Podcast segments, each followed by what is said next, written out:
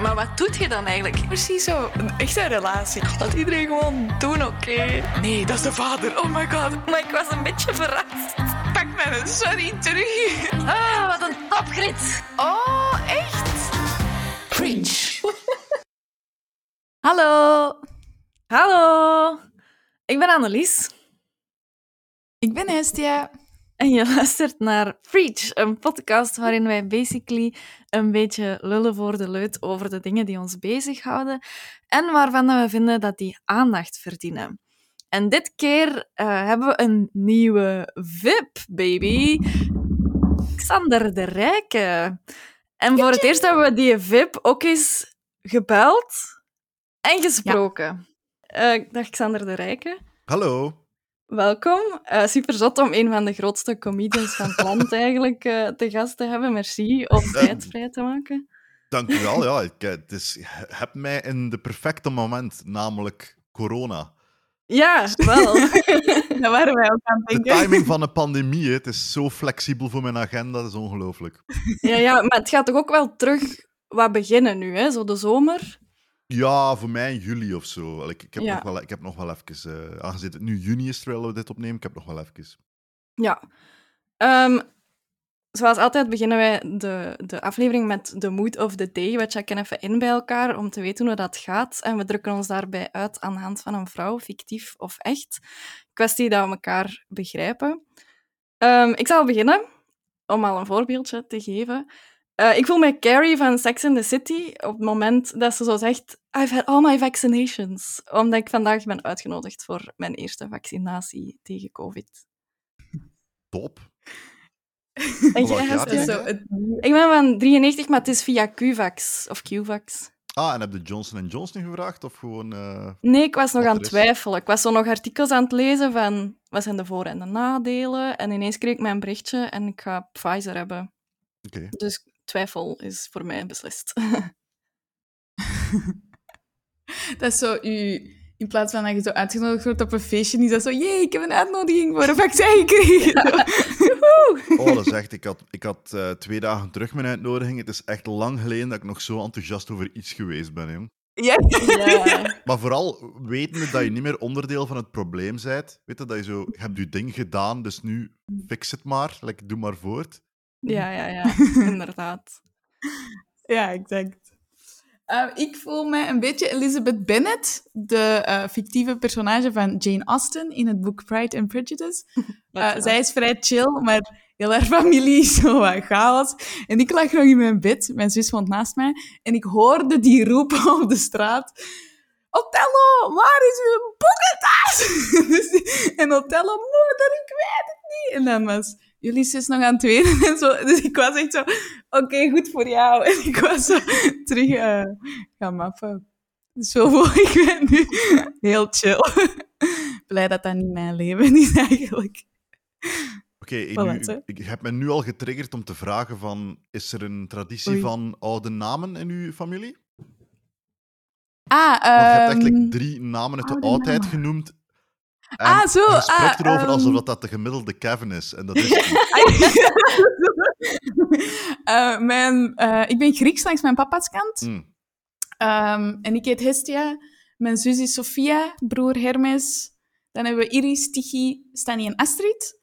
En dan de kinderen, uh, ik denk dat je zo niet kon onderdoen voor elkaar of zo. Ja. Dus dan heb je Xander, Eleni, Athan, Othello, Ulysses, Magnus, Elvira. Dus ik denk dat je wel zo neigt naar Golden en... We kunnen, we kunnen niemand Kevin noemen. Dat gaat gewoon ja, niet. uw achternaam like, niet zo de smet is of zo. Like... Nee, nee, nee. Dat, dat is uh, Perkisas. Ah, oké, okay, voilà, dus kijk. we moesten... Allee, het, het, moest niet, maar eens dat je bezig bent... Er zit wel een dan, tussen. uh... Dat is er dan toch zo wat tussen Ja. geraakt.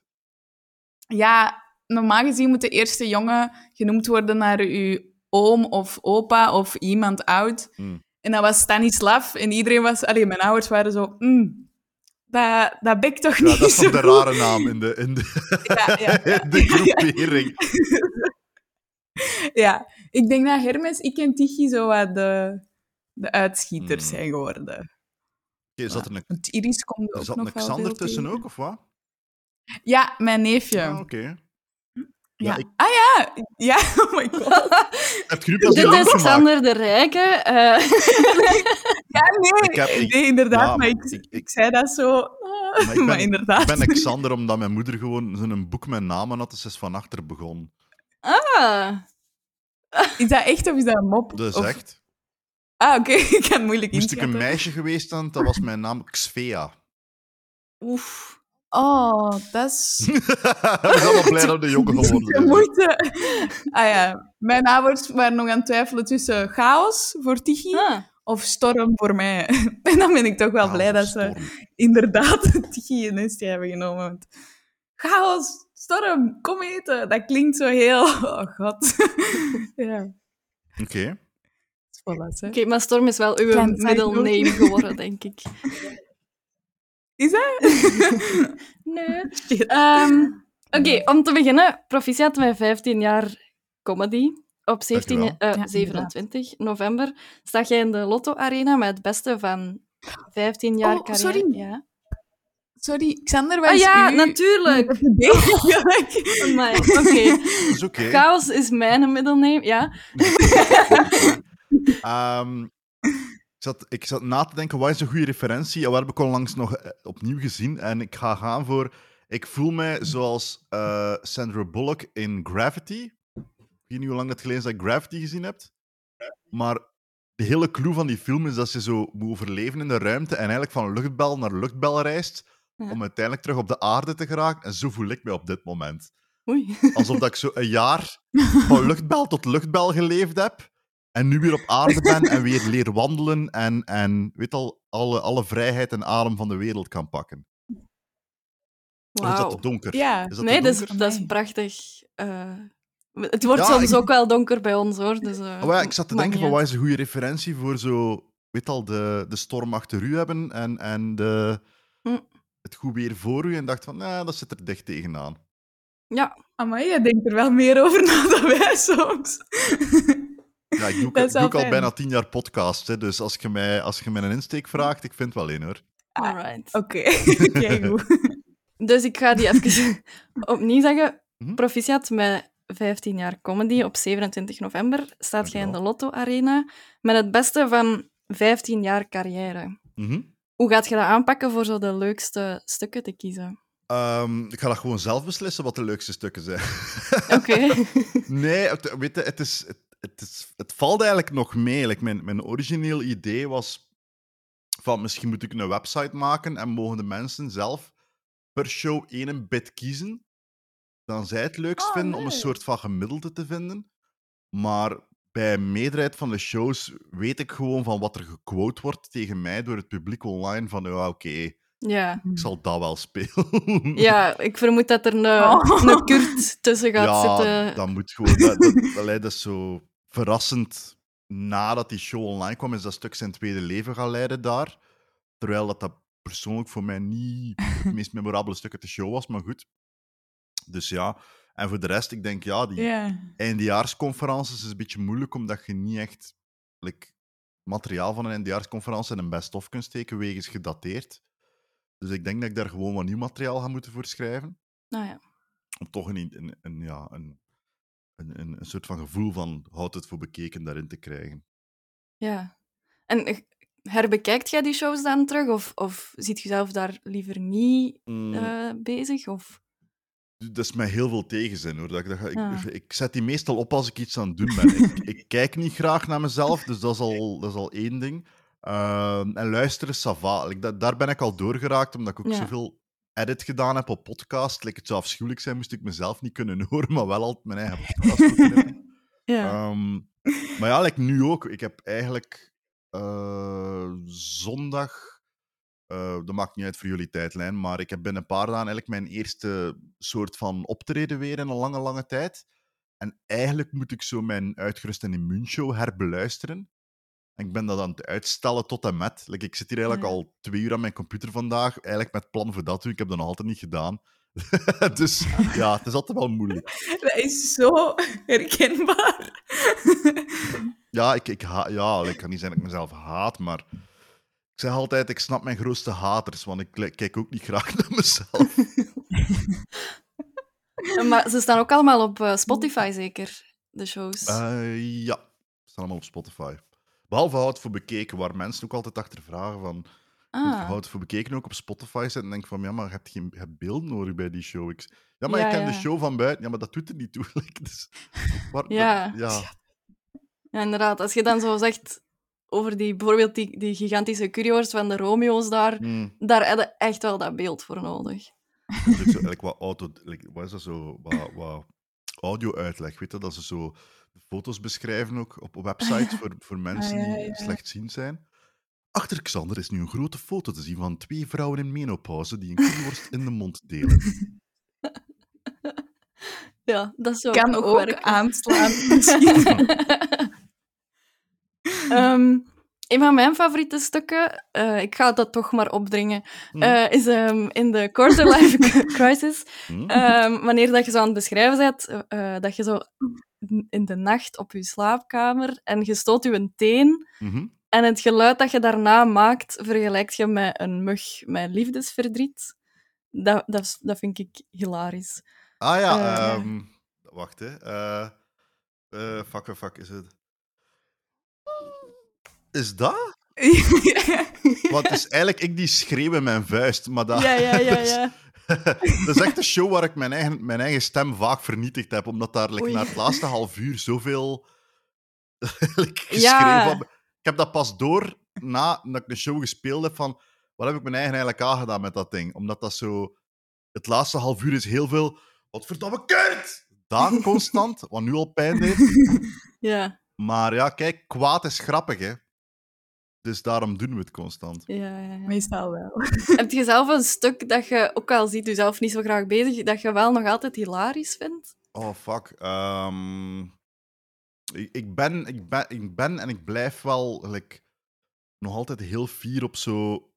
Mijn la- vooral mijn la- van, qua stand-up, mijn laatste drie shows. Like, eh, eh, een paar stukken uit die een best-of. Omdat die, daar, die waren eigenlijk nieuw daarvoor. En Mhm. het zijn derde show en, en Quarterlife, daar zitten zo de bits in waar ik het nog het vierst op ben. Ehm, ja, er zijn zo... Eigenlijk de, de dingen waar, waar die het minst geliefd zijn door het publiek, zijn degenen die ik het leukst vind. Like, ik ben een grote fan van het begrafenis, mijn begrafenisbit uit Quarterlife Crisis. Zo de, de, de valse begrafenis van een, een Johnny uit, uit Zelzaat. Terwijl dat is, nog no- dat is niet waar gebeurd. Ik heb gewoon zo een hoop dingen samengeraapt die min of meer herkenbaar zijn voor mensen en dat in een begrafenis gegoten, maar is nooit waar gebeurd met zo dat, dat zo, Kap, ik ga je missen. Weet dat zo de, de absolute eh, schoonheid van een speech op een begrafenis herleidt naar zo de onderontwikkelde Vlaming die ook een afscheidsspeech moet geven. Dat, dat vind ik heel leuk om te brengen. Ja. Oké, wat mogen we nog verwachten van die, die show in de Lotto Arena? Gaat er een grote lichtshow zijn? Komt Spring optreden? Stel je Ehm, voor. Ja, ze zijn nu Eh, toch bezig. Ik ben wel een beetje getriggerd omdat eh, Niels de Stadsbader staat in het Sportpaleis op dezelfde moment als ik in de Lotto Arena sta. Oeh. Wat de meest rare crossover van publiek aller tijden zal zijn als die twee zo buiten komen. Ja, die tram, dat wordt gezellig. Ja, er gaat echt gevochten worden op die tramlijn, helemaal tot in het centrum van Antwerpen. Gewoon rellen die ontstaan. Fuck, ik ga daar moeten het opzitten. zou wel grappig zijn. Het zou wel grappig zijn moest hem zo langskomen en de bloemen geven op het einde. Of Ah ja. like, eh, verover, verover mij komen zingen op het einde van de show. Ehm, nee, we, Ja. zijn, we zijn nu vooral een beetje aan, het- aan het nadenken wat, wat de extra's gaan zijn. Omdat je weet, ja, basis is dat gewoon twee uur stand-up. Nu, wat maak ik daar meer van? En het was sowieso de bedoeling om daar iets meer mee te doen. Origineel wou ik eigenlijk gewoon het midden spelen. Ik wou eigenlijk gewoon in een cirkel in het Ah. midden spelen en, en het publiek rond mij zetten. Maar dat is gewoon ehm, letterlijk niet mogelijk door het lichtplan van de shows die voor en achter mij zijn. Eigenlijk, we hebben niet genoeg Ah. tijd om dat te bouwen in de Lotto Arena. Ah. Ehm, maar, maar ons idee is van, kijk, het, het Oh, moet wel echt aanvoelen als een eenmalige special. Ik wil niet dat de mensen de vibe hebben van, ah ja, we gaan dit binnen een maand in een cultureel centrum op de hoek voor de helft van de prijs kunnen zien. Omdat ik heb al te veel stand-up gezien in de Lotto en in het Sportpaleis, van like, buitenlandse artiesten dan, waarvan dat je denkt van, ah, je hebt er weer een, een parochiezaal van gemaakt. Je? Ja. Like, je staat in de Lotto of in het Sportpaleis en je hebt er weer een vierkante bak van gemaakt waar we gewoon naar zo'n peetje zitten te kijken in de verte, die eigenlijk gewoon op een zwarte bak staat. Dus we, heb een paar dingen aangepast. Like, we staan ook, ik sta ook dieper. We hebben zo het podium dieper gezet, dus mensen kunnen mij ook van links en rechts zien. Like, alsof dat ik iets meer in de zaal kan stappen, daar zijn we mee bezig. En voor de rest ben ik vooral aan het nadenken van hoe kan ik de andere projecten vermengen, vermengen in die show. Ja. Omdat dingen gelijk de podcast, dat kan ik niet meepakken naar de lotto. Maar er moet wel een manier zijn om Moslem half 2 te refereren in die show.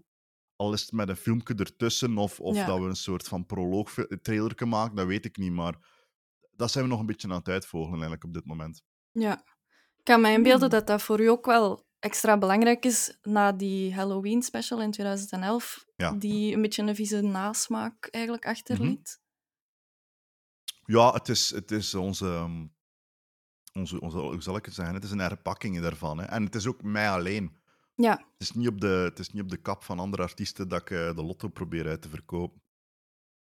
En het is tof om je stempel daarop te drukken ook. Weet je. Ik denk, de enige artiesten die voor mij, Vlaamse artiesten en Vlaamse comedians die in de lotto gestaan zijn, zijn zo Els de Schepper en, en Arnoud van den Bossen. Dat ik denk van, oké, nu gaan we er wel een keer mee iets doen. Dat we gaan proberen memorabel maken. Of toch hopen dat het echt een evenementshow is. ja. Hmm. Oké, de, de vormgeving van uw shows in Mhm. de kleinere zalen, die is ook altijd wel dik in orde, heb ik al Mhm. ervaren. Ehm, met zo introfilmpjes, eh Mhm. bijpassende muziek. eh, ja, hoe, hoe pakt je dat aan? Hè? Want je bent daar nu ook voor bezig voor de Lotto Arena. Hoe, Ja. hoe belangrijk is dat allemaal? Ja, het is. Dat, kijk, dat is iets dat ik al. Vanaf dat ik het kon, dat ik het deed. like, ik denk de eerste zaalshow. Waar ik beginnen clearen ben met mijn decor, was mijn Zwarte Parade. Dat zat zo'n introfilm in verwerkt, dat ik in een videospel gezogen werd. En dat was ik zo'n videospelversie. En de show was zo wat ingekapt in, in ehm, levels, like in een videogame. Hmm. Ehm, en, en dat kwam vooral voort uit toen, en dan eh, spreek ik over de lugubre jaren like 2006, 7, 8. ehm, toen comedy zo wat populair werd in Vlaanderen, werd dat door echte cultuur een beetje afgedaan als ja, waarom staat dat eigenlijk in een cultureel centrum? Allee, waarom, waarom staat iets dat basically een gast is voor een betonnen muur met een micro poten, waarom moet dat in een cultureel Mhm. centrum staan? Dus je wilt eigenlijk altijd dat je show wel een meerwaarde heeft. Eender waar dat hij staat. like, dat klinkt onnozel, maar ik vind als je, je prijzen duurder zijn, wil ik dat de mensen het gevoel hebben dat ze snappen waarom dat die prijs duurder was. Ja, Ik wil dat ze snappen waarom dat ze het 40 euro in de Lotto Arena moeten betalen en 20 in een cultureel centrum en 6 in een jeugdhuis. Dat, Ja, dat is heel logisch of zo. Je wil, ik wil Hmm. nooit dat mensen wat ze betaald hebben in twijfel trekken. Dus je doet gewoon je best om te zorgen dat alles klopt. Dat je binnenkomt en denkt van, ah oké, wat heeft hij met die zaal gedaan? En dat begon bij mijn Zwarte Parade. En ik denk in mijn, mijn eerste best-of, tien jaar bezig, twee uur grappig, was er like een introfilm van een kwartier. Maar dat is ook gewoon... Als, dat, is, dat is omdat er ook niemand achter mij stond om af en toe te zeggen van zou je dat niet een klein beetje korter doen? Nee, ik doe wat ik wil. En dan is het gewoon Ja. zo een, een epiloog van 20. En met Hout voor Bekeken was dat ook langzaamaan aan het groeien. Dat we zo de muziek en de intro en het decor... Want ja, je zoekt ook maar een manier om die show interessanter te maken dat die is. Want ja. ja, op zijn basis, dat is ik achter die een bak die staat te roepen tegen een PowerPoint. Hè. Allee, dat, zoveel meer kunnen dat niet meer. Ik kom daar niet vaak van achter. Het is ook niet makkelijk om daar van achter te komen, want in, het begin, in de eerste twee shows kwam ik er niet van achter. Dan zei ze, weet je, dat beter zo wat meer breken. Kun je er een keer van achter komen en, en iets doen. Dan ben ik er beginnen van achter komen, zeiden ze, ja, het voelt wat geforceerd aan. Ik zeg, ja, maar dan- nu weet ik het ook niet meer. Nu blijf ik gewoon...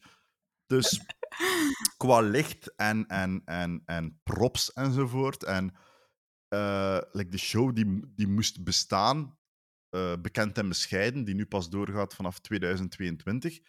Dat is mijn meest bombastische decor aller tijden, omdat we daarin Hmm. geslaagd zijn eh, om, om een zaal er niet meer te doen uitzien gelijk de zaal dat je verwacht. Like, we hebben echt alles afgedekt bijna. Like, Ah. Behalve de zaal zelf. like, we hebben van die gigantische, grote, bombastische rode showbiz-doeken en er zit een showbiz-trap in. Gelijk, het was heel fijn om mensen de zaal te zien binnenwandelen in het gemeenschapscentrum van Hammond-Achel. En je zag die mensen kijken van, wat de fuck heeft hij met die zaal die heeft er het kapitool in Gent van gemaakt. Weet je, dat, uh, ik vind dat een heel belangrijke. En, en ik heb het geluk van nu een goede combinatie van mensen rond mij te hebben. Weet je. Ik heb een artworker die mij snapt, die, die maar drie referenties van mij nodig heeft en meteen weet van, ah ja, dat is wat hij bedoelt. Ik, ik heb een manager die ook mijn productie doet. Ja. Een productie betekent meestal gewoon hij die dan naar andere mensen wenst, wijst van, doe jij dat een keer? Die dezelfde smaak heeft als mij. Weet je, als je, als, als je zegt, hey, ik wil dat vanavond live, aanvoelt als Late Night met Jimmy Fallon, maar ik wil dat het de show zelf inhoudelijk meer trekt op Late Night met Conan O'Brien. Ja. Dat, hem ook, dat is al dat Ja. hij nodig heeft voor referentie van, ah ja, klaar. En bij Bekend en Bescheiden was dat, ja, ik wil dat dat eruit ziet als eh, John Mulaney in, in Carnegie Hall. Ik wil dat ehm, eh, nu de Lotto is een klein beetje geïnspireerd op een zaaltje van Dave Chappelle. En hij snapt die referenties. Hij, hij, Hm. hij werkt daar gewoon mee. Ja, want- dat is wel handig. Ja. andere, andere dingen gooien zij soms op mijn bord en denk ik van, ah, dat doe ik dat wel. Like de, de affiche van Houd het voor bekeken COVID-19, Hm. mijn stream special, dat is echt een idee van mijn management van, Ah ik ja. vind dat je moet verkleden als die een, eh, als die Ja. een, eh, die een QAnon-shamaan. Ja, ja, die doet... eh, Ja. ja. en ik ben nu niet de grootste fan om mijn bloot bovenlijf op mijn affiche te gaan staan, maar ik dacht, nou, is het grappig, dan doe ik het wel. en weet je, het was grappig. Het is grappig. Want ook outfit en zo, eh, je zou misschien denken, bij comedy doet er niet zoveel toe, maar je, je, eh, voor Houd het voor bekeken draagt je dan echt een kostuum Mhm. en vanavond live eigenlijk nog een, een das erbij. Ja, ja. En dat, dat is ook wel geëvolueerd, denk ik, tegenover in het begin.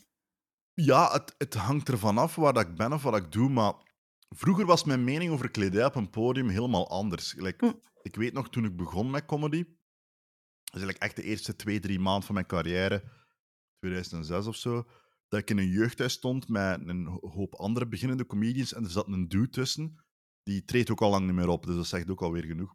Ja. En die trad altijd op in een wit kostuum. Hm.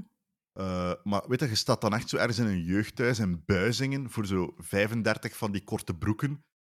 Met, die, weet dat, met een pinten in de hand die naar u aan het kijken zijn van allee, vertel een keer een mop.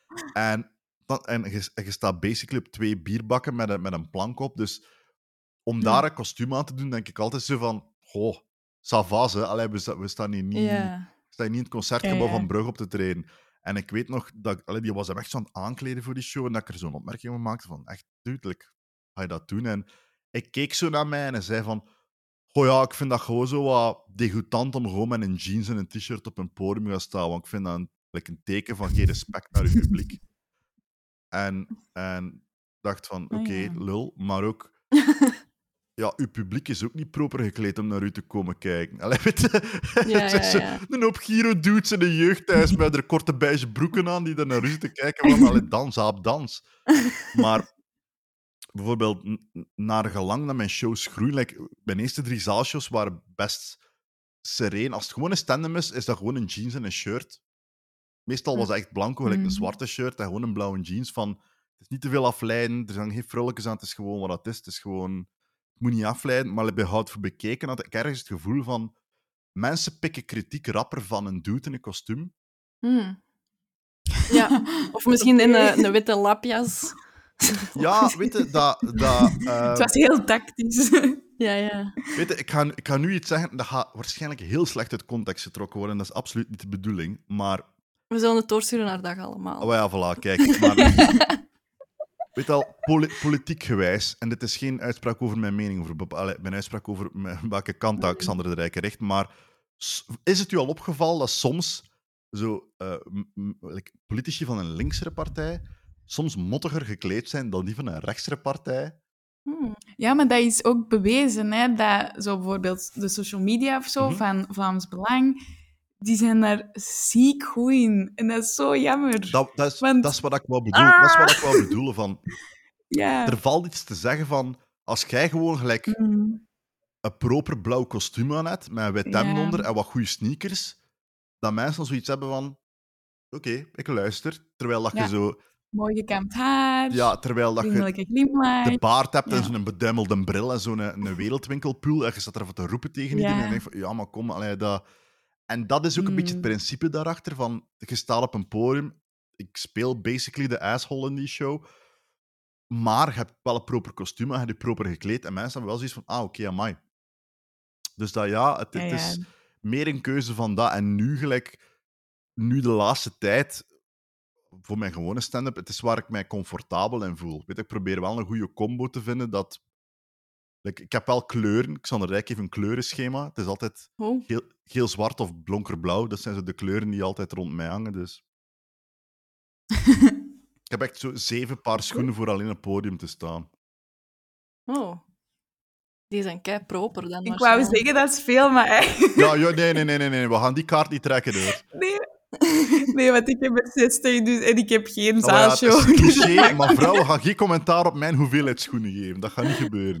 Ik moest ook altijd zo hard lachen met dat stuk. Ehm, bij Quarterlife, dat je zegt, ik slaap, die wordt wakker en die, en die begint te babbelen. Dan moet ik zo hard lachen, omdat ik denk, ja, eigenlijk, als ik zou slapen en die begint, zou ik zo direct zeggen, hou je bakken, Ja. what the fuck. Maar als je dat zelf doet, is dat zo, is toch doodnormaal dat je dat doet. nee, dat is niet doodnormaal. Ah, ja, dat is heel herkenbaar wel. Voor mij toch niet. Ik, wil- ik wil toch ook eerst even gerust gelaten worden, s ochtends. Hè. Ah, Als ik eerst wakker ben, dan durf ik wel zo... Hallo! Hier ben ik dan. Vreselijk. Ah, nee, dat is, dat is, nee, dat is echt een, een, een, Ja. een discussie dat ik met mijn vriendin had. Heb gelijk een maand terug van, van dat ik zei van neem mij dat echt niet kwalijk. Dat, dat, soms ben ik al een half uur wakker en laat ik dat pas na een half uur weten dat ik wakker ben.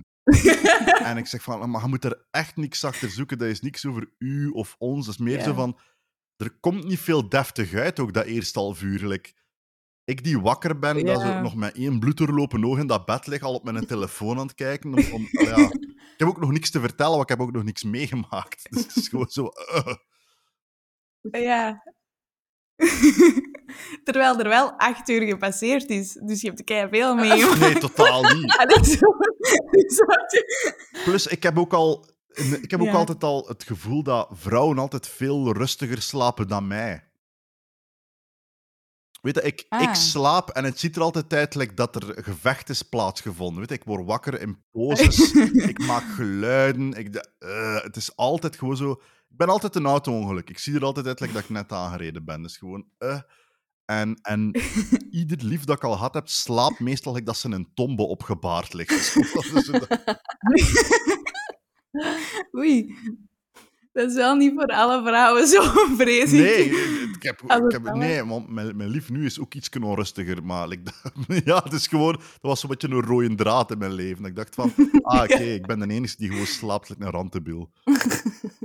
We zoeken iemand van de Adams Family gewoon zo als vriendin. Ehm, Matthew Perry zei in de reunie van Friends dat hij een beetje sterft altijd als er niet gelachen werd met zijn moppen. Ik, ik geloof het ook wel als je hem nu ziet, maar goed. Ja. Eh, was dat te Ja. snel? Ja. Ehm, Ik heb dat gemist. Wanneer, wanneer is Matthew Perry eigenlijk in een, in een bejaarde vrouw veranderd? Dat heb ik zo wat gemist. Wel, eh, we gaan dat opzoeken, tijdlijn. Wanneer is dat gebeurd? Eh, maar hoe gevoelig bent jij daarvoor? Want je merkt het wel op als, als mensen niet lachen, zeg je wel zoiets van ja, ik ga ze niet allemaal uitleggen, hè, of zo. Ja, Je, je zegt er wel iets Ehm, van. ça va eigenlijk. Allee, vroeger, vroeger, eh, vroeger was mijn, mijn podiumpersonage gelijk, daar meer... eh, hoe zal ik zeggen? Was daar kouder in of zo? Like mijn type, mijn, vroeger was mijn podiumtype zo wat je best te beschrijven.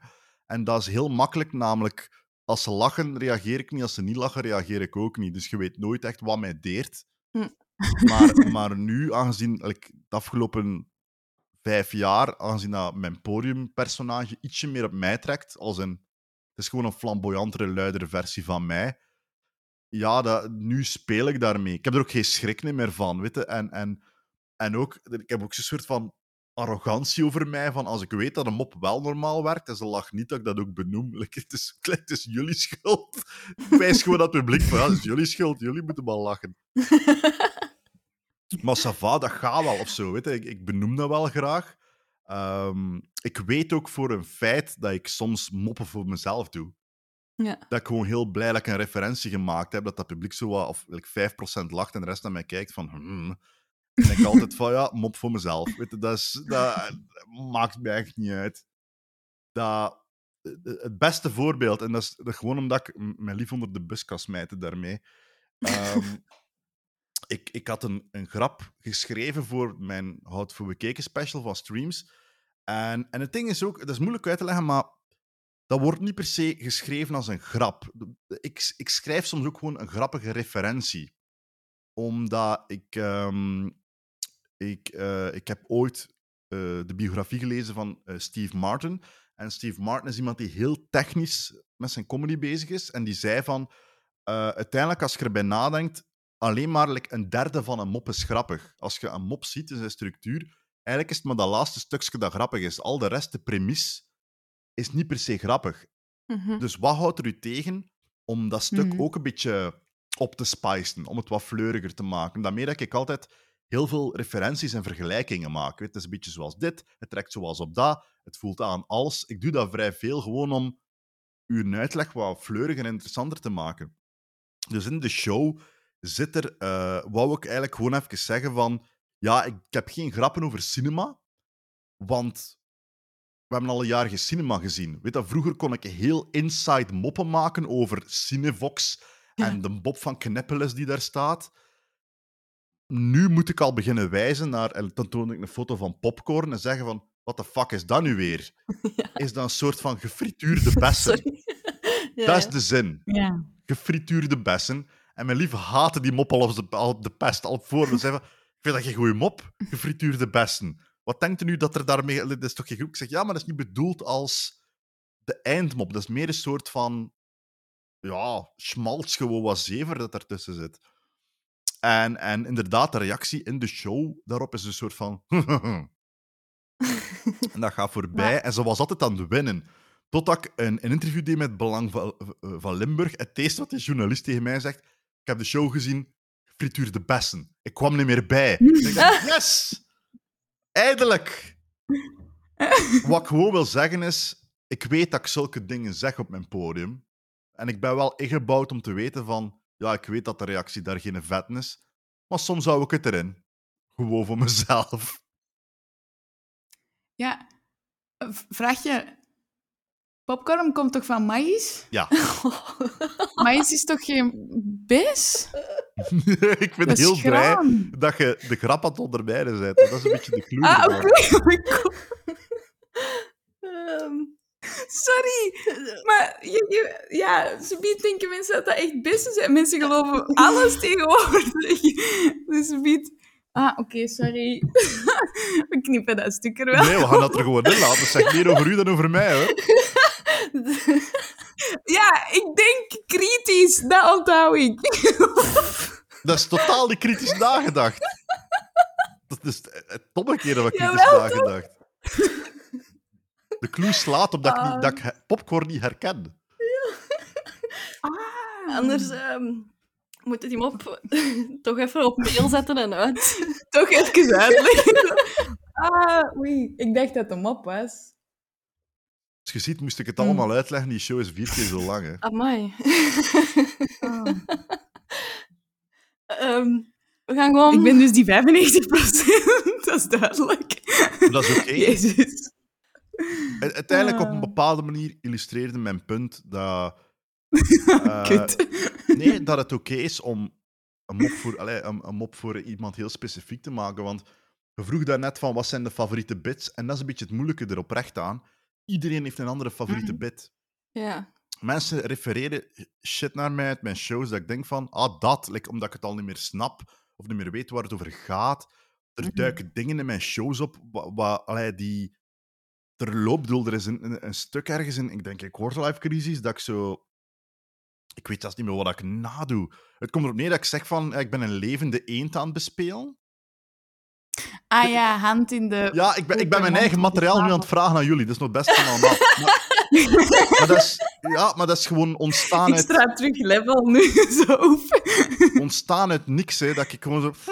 En dat, dat, dat, dat snavel, snavel in de mond, vinger in de poep. Like dat, om, om duur wordt dat Ja, zo'n ja. ding. Maar dat is wel wat mensen refereren naar mij. Van, ah, ik speel, ik speel één. Ik dacht, wat? Over wat? Ja, ja. Ja, Dat is ook zo, als dat zo uit context ineens tegen u gezegd wordt, is dat soms ook zo wel van... Mijn leven bestaat niet enkel uit die Oh, show. Ik moet ook wel even kijk, nadenken over wat dat je aan het mensen dat ik teleurstel op een wekelijkse basis door vlak af te tonen dat ik mijn eigen materiaal niet onthoud. Maar ja, ik heb ook al twaalf zaalshows geschreven. Hm. En, en mijn shows zijn altijd like, twee uur en een chic. Like, ik, ik vergeet in een show de moment, de laatste keer dat ik hem gespeeld heb. Ik, heb, ik zeg altijd, ik heb zo'n Mm. gat, like, ik heb zo'n blok zitten van twee uur. En vanaf dat ik er een uur bij doe, valt er een uur aan de andere kant uit. Like, er is, er is, ik heb maar plaats voor één show. Dus dat, dus, ja. En meestal speel ik er twee op een jaar. Speel ik een conferentie, speel ik mijn stand-up. Dus dat, dat, ja, dat gaat gewoon niet.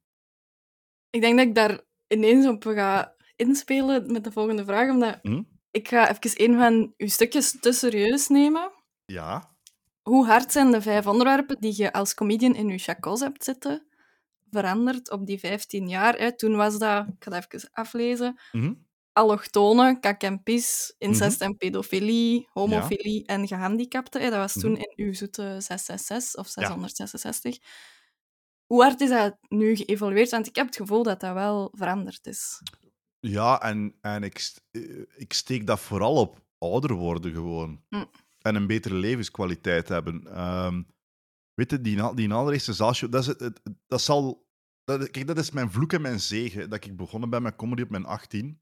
Hm. En, en dat ik al een zaalshow heb uitgebracht op mijn 18. Dat, allee, dat, dat is een vloek en een zegen. Want dat is een zegen dat ik al zo lang kan bezig zijn. En dat ik zo vroeg begonnen ben. Het is een vloek dat er tot op vandaag gastjes fan worden van mij door die show hè, te zien dat op YouTube en ze denken van, ah, dat ik zal er rijken. Toen komen die like, bij Quarterlife Crisis terecht, dus zien ze een gast 14 minuten over zijn relatie praten, denken ze, oké, dat is niet waar ik voor betaald heb.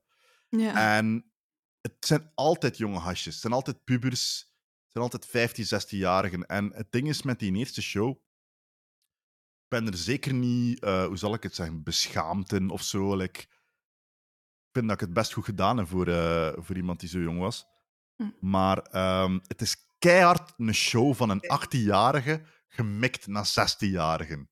Weet je, Ja. alles wat daarin zat, was wat dat wij grappig vonden in de middelbare school. Er zit, er zit met moeite een jaar tussen die show en ik die in het vijfde middelbaar zit. Dus Wow. a- allee, allee, weet je, dat, er zit vier maanden tussen ik die met comedy begon en ik die nog in het vijfde middelbaar zit. Dus alles wat ik daar vertel op een podium is mijn idee van oké, waar kreeg ik mijn vrienden mee aan het lachen? En die show is dat een beetje. Het is, het is lachen met bommas op de bus en, en, en Johnny's en emo's en Tokyo Hotel en, en dat is hem letterlijk. ja. En na- naarmate hoe ouder dat ik word, hoe meer dat mijn onderwerpen meegroeien met mijn leefwereld. Ehm, ik denk dat Lucas Lely was die ooit zei van, like, uw eerste drie zaalshows, dat is gelijk bij u Toy Story 1, 2 en 3. En jij zei, Andy, gelijk, jij wordt ouder, maar uw, like, uw speelgoed is ook zo wat aan het veranderen, of zo. Ja. Like, we zien nu altijd ouder worden en ouder worden, maar je, je doet afstand van bepaald speelgoed en je krijgt er nieuw bij. En dat Oh. is het ook wel. Weet je, Ja. tegen mijn derde show is dat, gaat dat over naar het containerpark gaan en verbouwingen.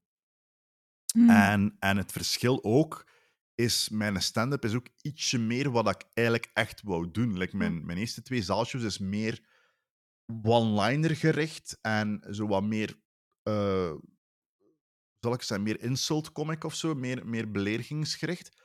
En eigenlijk wou ik gewoon altijd Jerry Seinfeld zijn. Ik wil gewoon observatiecomedy brengen. Ik wil gewoon praten over herkenbare dingen. Mhm. En mijn derde show was daar zo de eerste stap naartoe. En dat was voor het publiek aanpast en voor mij ook, omdat ik gewoon like, zei van oké, ik ga gewoon iedere mop over friet proberen schrijven dat er bestaat. Wat eindigt in een stuk van 40 minuten over frieten. Maar ja, dat is wel het verschil, snapt? En nu is dat ook Ja, zo. ja. Weet je, nu... ehm, Quarterlife was daar ook een goed voorbeeld van. Quarter, het, het cool is dat zaalshows zijn altijd gewoon een, een perfecte momentopname van die gast zijn leven op dat moment. Ja. Want ik denk, Quarterlife heb ik het meest gespeeld van al mijn shows. Ik heb die ook drie jaar gespeeld. Die heeft ook drie seizoenen gespeeld. Ehm, maar het grappige was dat die show al gedateerd was twee maanden na zijn première. Ah, ja. Omdat het is altijd een terugblik. hè. Je moet altijd eh, terugkijken, ook omdat mensen nu al zeggen van ja, die een bekend en bescheiden. Dat is ook wel een heel specifieke beschrijvenis over uw leven en uw huidige situatie. En dan is die show twee jaar verzet. ja. Tot, hoe, tot hoever is die show gedateerd? Ja. En ik zeg altijd, goh, ik ging altijd al dateren. Het is altijd over wat er gebeurd is en niet over wat er gaat komen. Dus, like nu ook, bekend en bescheiden, er zijn een paar dingen veranderd. Het is alweer over een andere vriendin dat ik praat. En bij Quarterlife was juist hetzelfde. Like op dat laatste stuk over de slaapkamer en dit en dat. Mhm. dat die show is in première gaan in januari 2017 en in maart 2017 zijn we uit elkaar gegaan. En al wat ik moest doen is, is het woord lief aanpassen naar ex, ja. maar dat veranderde wel de gravitas van heel dat stuk, omdat dat dan in één keer gemeener en vilijner wordt. En ik denk van, dat, die show is geen woord veranderd, behalve dat gewoon het onderwerp licht geshift is. Ja. Dus ja, Ja, dat is misschien ook gewoon de connotatie dat mensen geven aan woorden of zo. Ja, Ja. ook. Absoluut. Toch? Eh, Ja. Je voelde gewoon dat de hahaha was al rapper een ho-ho-ho geworden met die show. Dat is iets heel grappig. Ah, ja. ja.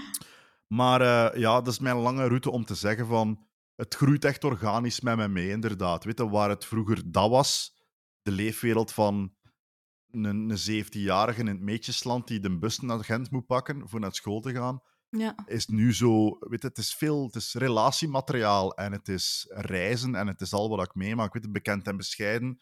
Tot zover dat ik hem herinner, want ik heb hem al bijna een jaar en half niet meer gespeeld.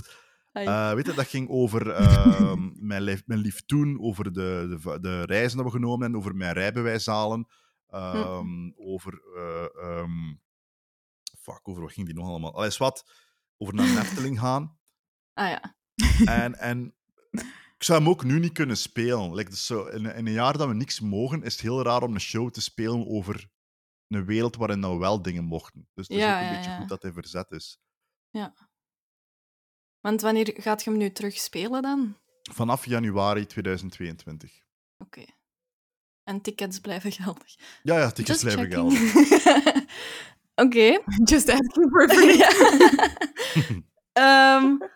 Alright. Eh, ja, je bent ook onze nieuwste VIP. Dat staat bij ons voor Very Important Peach. Mhm. Die VIP die krijgt altijd verschillende titeltjes om zo een beetje te, samen te vatten waar dat die voor staat. Oké, Eh, het eerste titeltje dat ik voor u heb gekozen is Vlaamse Potfather. oké. Ehm, omdat ja, lang voordat podcasts boomden, nu dan, eh, had Mhm. jij eigenlijk al een superpopulaire podcast, Mosselen om half twee. Dat eerste seizoen is intussen ook tien jaar oud. Mhm.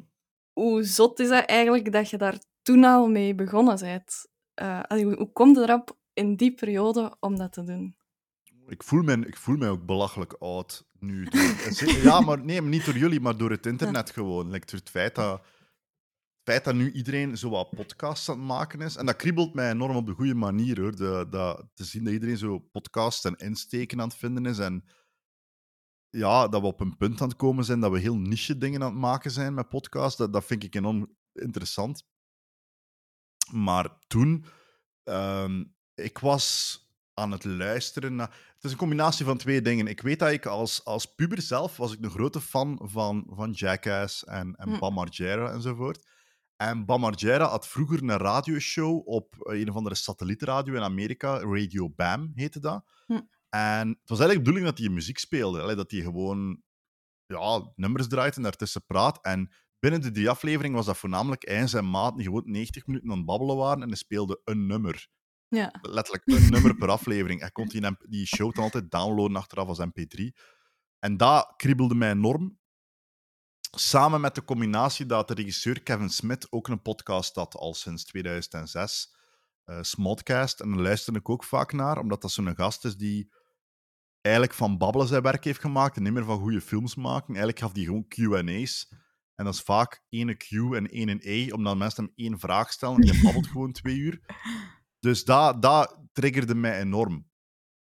Wetende ook van ehm, veel van mijn gesprekken backstage met comedians zijn wel entertainend tot een bepaald punt. ja ik ken veel grappige mensen. Ik vind soms wat dat we doen. ehm, Is dat door mij? Ah, nee. dus oké. Eh, dus ja, ik dacht, we kunnen wel entertainend babbelen. Dus de eerste aflevering van Mosselmaaf 2 is echt zo... like, de eerste drie zijn eigenlijk al een perfect idee van ah ja, dat is wat het ging worden. Mm. Want het was na een show eh, met William Boeva en Erhan Demirci en Arbi Elayashi, dus aflevering 1, dat we gewoon... Bij, en dat komt echt ook voort uit weten van William, die ooit een verhaal vertelde dat zijn vader, eh, die jammer genoeg dus overleden is, ehm, die eh, altijd alles teruglegt in de frigo. Eender hoe weinig dat ook is. Like, die legde een halve druif terug in de frigo. En dat kriebelde mij enorm, dat verhaal. Gewoon dat. Hoeveel keer hoorde dat? Ja. En weet je, daarna was het Fokken en Alex en, en eh, mijn vrienden uit Aalst, Dimi en Gilles. En dat is het eigenlijk, weet je. En hoe rap dat mensen daarop reageerden, eh, binnen de vijf afleveringen, van oh wauw, dit is leuk. En, en Mhm.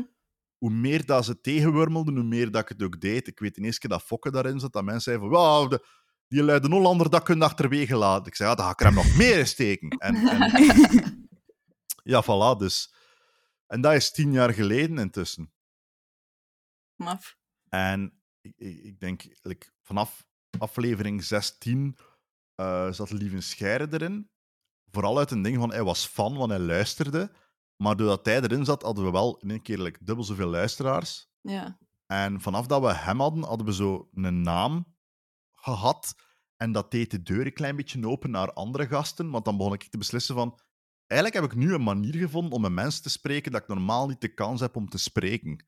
Weet je, dan kon ik Mhm. gewoon beginnen mailen naar like, Gert Verhulst en gewoon iedereen dat ik dacht van, hey, ik wil een podcast bij je doen. En die waren zo, podcast? En ik zo, eh, is like radio, maar op het internet. Ah ja, en dan gewoon... Om duur kunnen we wel zo'n een, een lijst van namen geven. Ja, die heeft dat al, die heeft dat. Dus je hebt wel een voet in de deur. Ja. En dan, ja, na, na 300 afleveringen en zeven jaar ongeveer, was ik gewoon wat op. Als in, oké, ik heb nu echt iedereen gesproken dat mij interesseert. Like, nu wil ik, allee, ja, het is op. Like, wa- wa- ik was ook moe, het was ook iedere week al zeven jaar aan een stuk, dus ik kon gewoon niet meer. Like, ik was klaar. ja. En er waren ook podcasts aan het bijkomen. Ik dacht oké, ja, die leegte is ook al wat opgevuld of zo. Like, als ik het nu nog doe, moet ik het gewoon doen omdat ik het leuk vind. En niet meer voor een punt te maken of voor er mijn, mijn main thing van te maken of zo. Mhm. Dat mij ook nu, like, dat we nu teruggekeerd zijn. Nu heb ik er eigenlijk weer twee. Nu heb ik Ja. bij je nog aan het kijken en Moslem half twee. En bij je nog aan het kijken is eigenlijk de podcast geworden waar ik nu zo wat misbruik neem om mensen te spreken dat ik anders de kans niet heb. Mhm. En Moslem half 2 is gewoon terug voor de lol ervan. Ja. Want ik had ook zoiets van, ja, echt mensen interviewen. Alleen nu, like, met Welcome to the AA, heb ik zoiets van, ja, like, die gaan dat nu beter doen dan dat ik het ooit kan. Dus waarom moet ik dan nog zo wat in dat vaarwater gaan zitten van elkaar? Om diezelfde pool van BV's en gasten dezelfde vragen weer te gaan stellen. Dus Ja. Wie edit eigenlijk bij jullie dan allemaal? Eh, tot ervoor ik. Hm. Eh, en nu, eh, wat ik heb nu een dude Jens, die, die mijn edit doet. Allee, ik doe de inhoudelijke edit en hij doet het geluid. Ah ja. Dus ik, ik, geef, ik geef nog wel inhoudelijke knipjes. Zeker bij Ben je nog aan het kijken, omdat daar probeer ik ook wel wat Zoom-gesprekken te doen met mensen van buiten België. Hm. Eh, er zit ook wel wat Engelstaligen tussen. En dat is dan het gemak dat ik zo wat, als ik over mijn woorden gestruikeld ben, dat ik een retake kan doen op mijn gemak thuis. Ja. Zonder dat iemand dat ooit door heeft. We know. Ehm, ja, eigenlijk was Mossel om half twee eh, de, de werktitel dat jij aan alles gaf. Maar dan werd Mhm. dat de podcast. Dus wat ik mij keihard afvroeg was, wat is nu dan de werktitel voor uw nieuw project? eh? Ah, zo. Dat, dat valt eigenlijk wel goed mee. Like, nu vinden we het meestal wel op voorhand, omdat we bijna twee jaar op voorhand beslissen wat iets gaat zijn. Ja. een show verandert wel vaak van, allee, vaak van titel, maar ik denk, ja, vroeger zette ik inderdaad Moslem half 2 als placeholder. Eh, het probleem was gewoon bij, bij Lipsin, was dat zo... Nee, nee, geen placeholder, dit is nu de naam voor altijd. Je kunt dat niet meer aanpassen. Was dat, ah, oké, ja, dan is Moslem half 2. Ehm, maar like, een, een zaalshow, ja, dat is de ziekte in Vlaanderen. Er is geen, allee, je moet altijd twee jaar op voorhand je titel en je korte synopsis en je poster al hebben, nog voordat er één mop geschreven is, wat enorm frustrerend is. ja. Eh, dus er is niet veel ruimte om ja, nog te spelen daarmee. Dus ik moet eigenlijk al beslissingen gaan maken. Nu, het gemak is, eh, Ah. zoveel, zoveel dingen pas ik niet meer aan. Houd voor bekeken is gewoon houd voor bekeken met een jaartal achter. Mhm. Ehm, ik denk de werktitel van Bekend en Bescheiden was ervoor Marmer en Vlies. Hmm. Dat was de, de titel van de show voordat die effectief een show was, was Marmer en Vlies.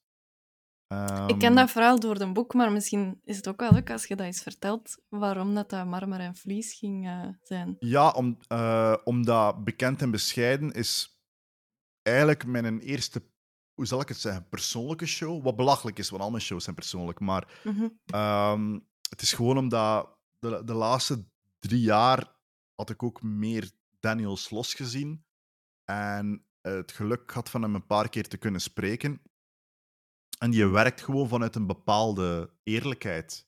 Uit gewoon het, uit de persoonlijkheid. Like dat je echt voelt van... Omdat Hmm. mensen twijfelen altijd bij een comedian. Als wij een verhaal vertellen, trekken ze het altijd in twijfel. Is dat wel waar gebeurd? Is dat, altijd. Ik bedoel, ieder lief dat ik al gehad heb, die krijgt achteraf sowieso de vraag van, is dat waar gebeurd? En die moet dan zeggen van, ja, bedoel, waarom...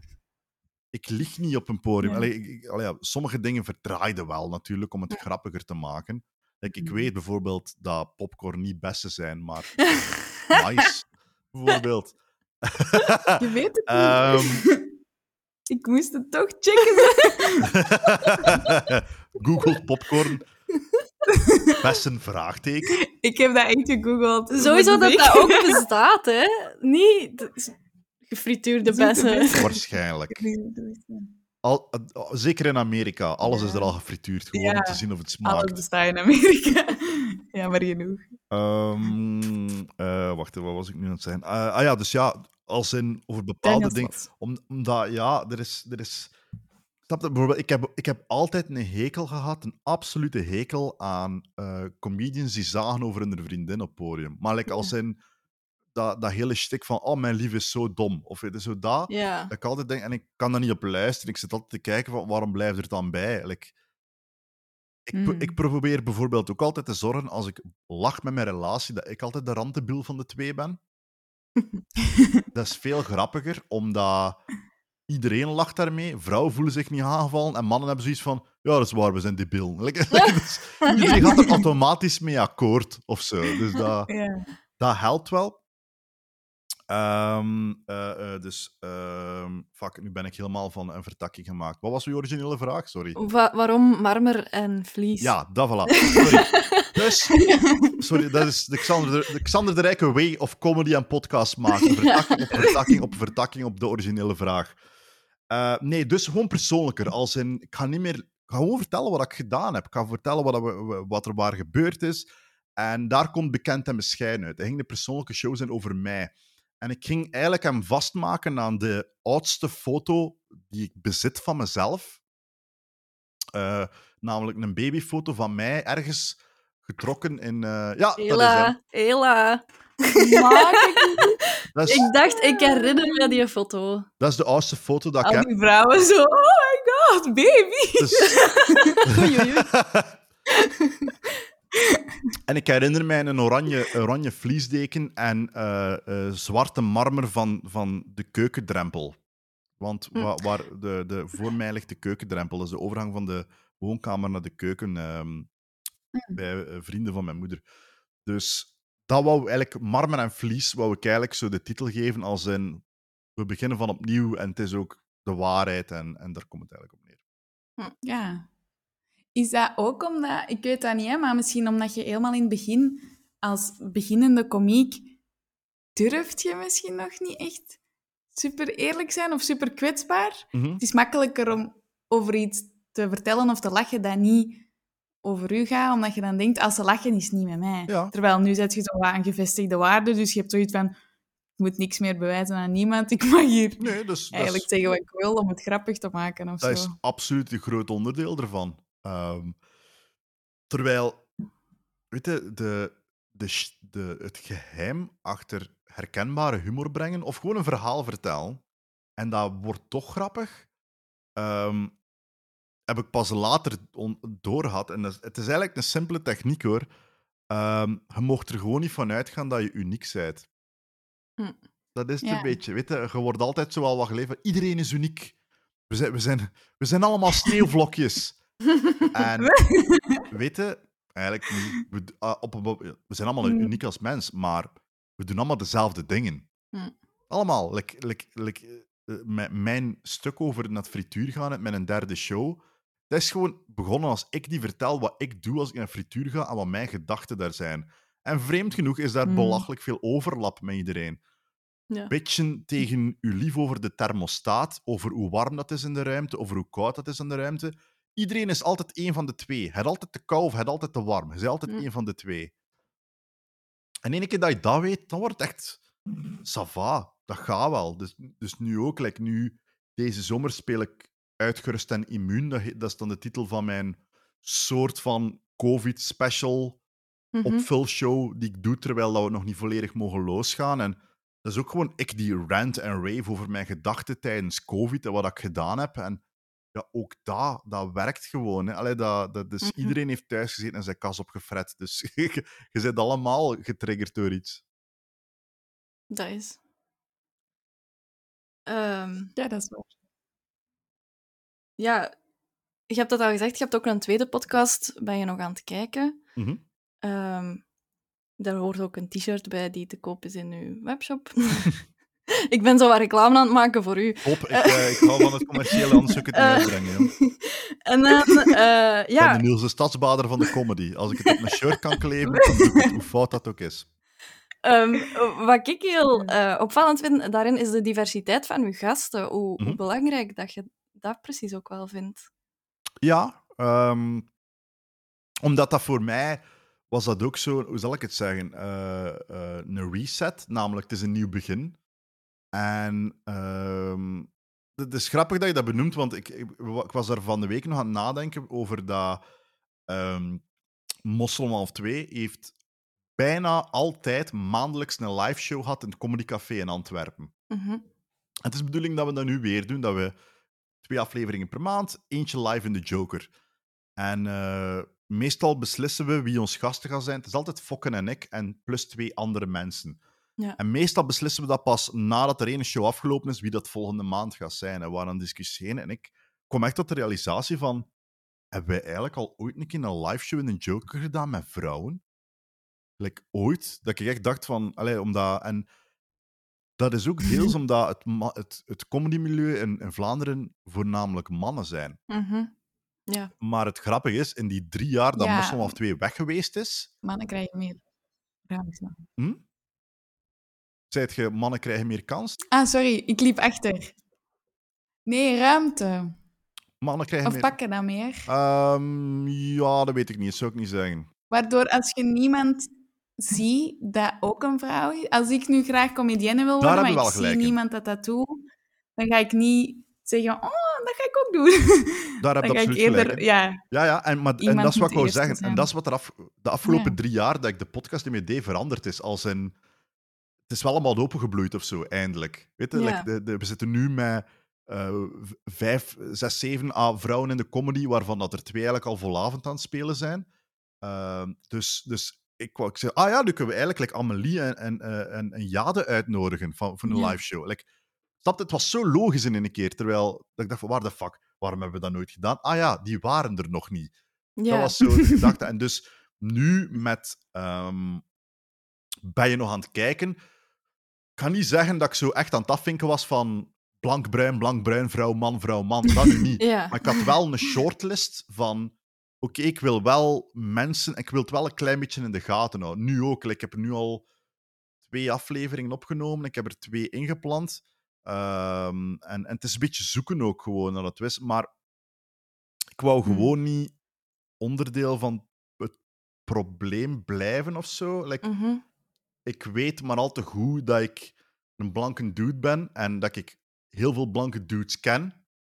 Dus Hm. dat ik altijd daarop terugval. Weet al, het, het is nu eenmaal zo. Dus Ja. ik wou uit mijn comfortzone Mhm. komen en tegelijkertijd mensen ontmoeten dat ik anders nooit meer ontmoet. Dat is het gemak aan een podcast. hè. Je hebt zo wat een voet in de deur om te zeggen van hey, we kennen elkaar niet, laten we Mhm. een keer spreken met elkaar. En daar komt wel iets leuks uit of zo. En dat was ook met, met, eh, met eh, ben je nog aan het kijken, omdat ik ook wist van iedereen heeft wel een favoriet tv-programma waar ze kunnen over praten.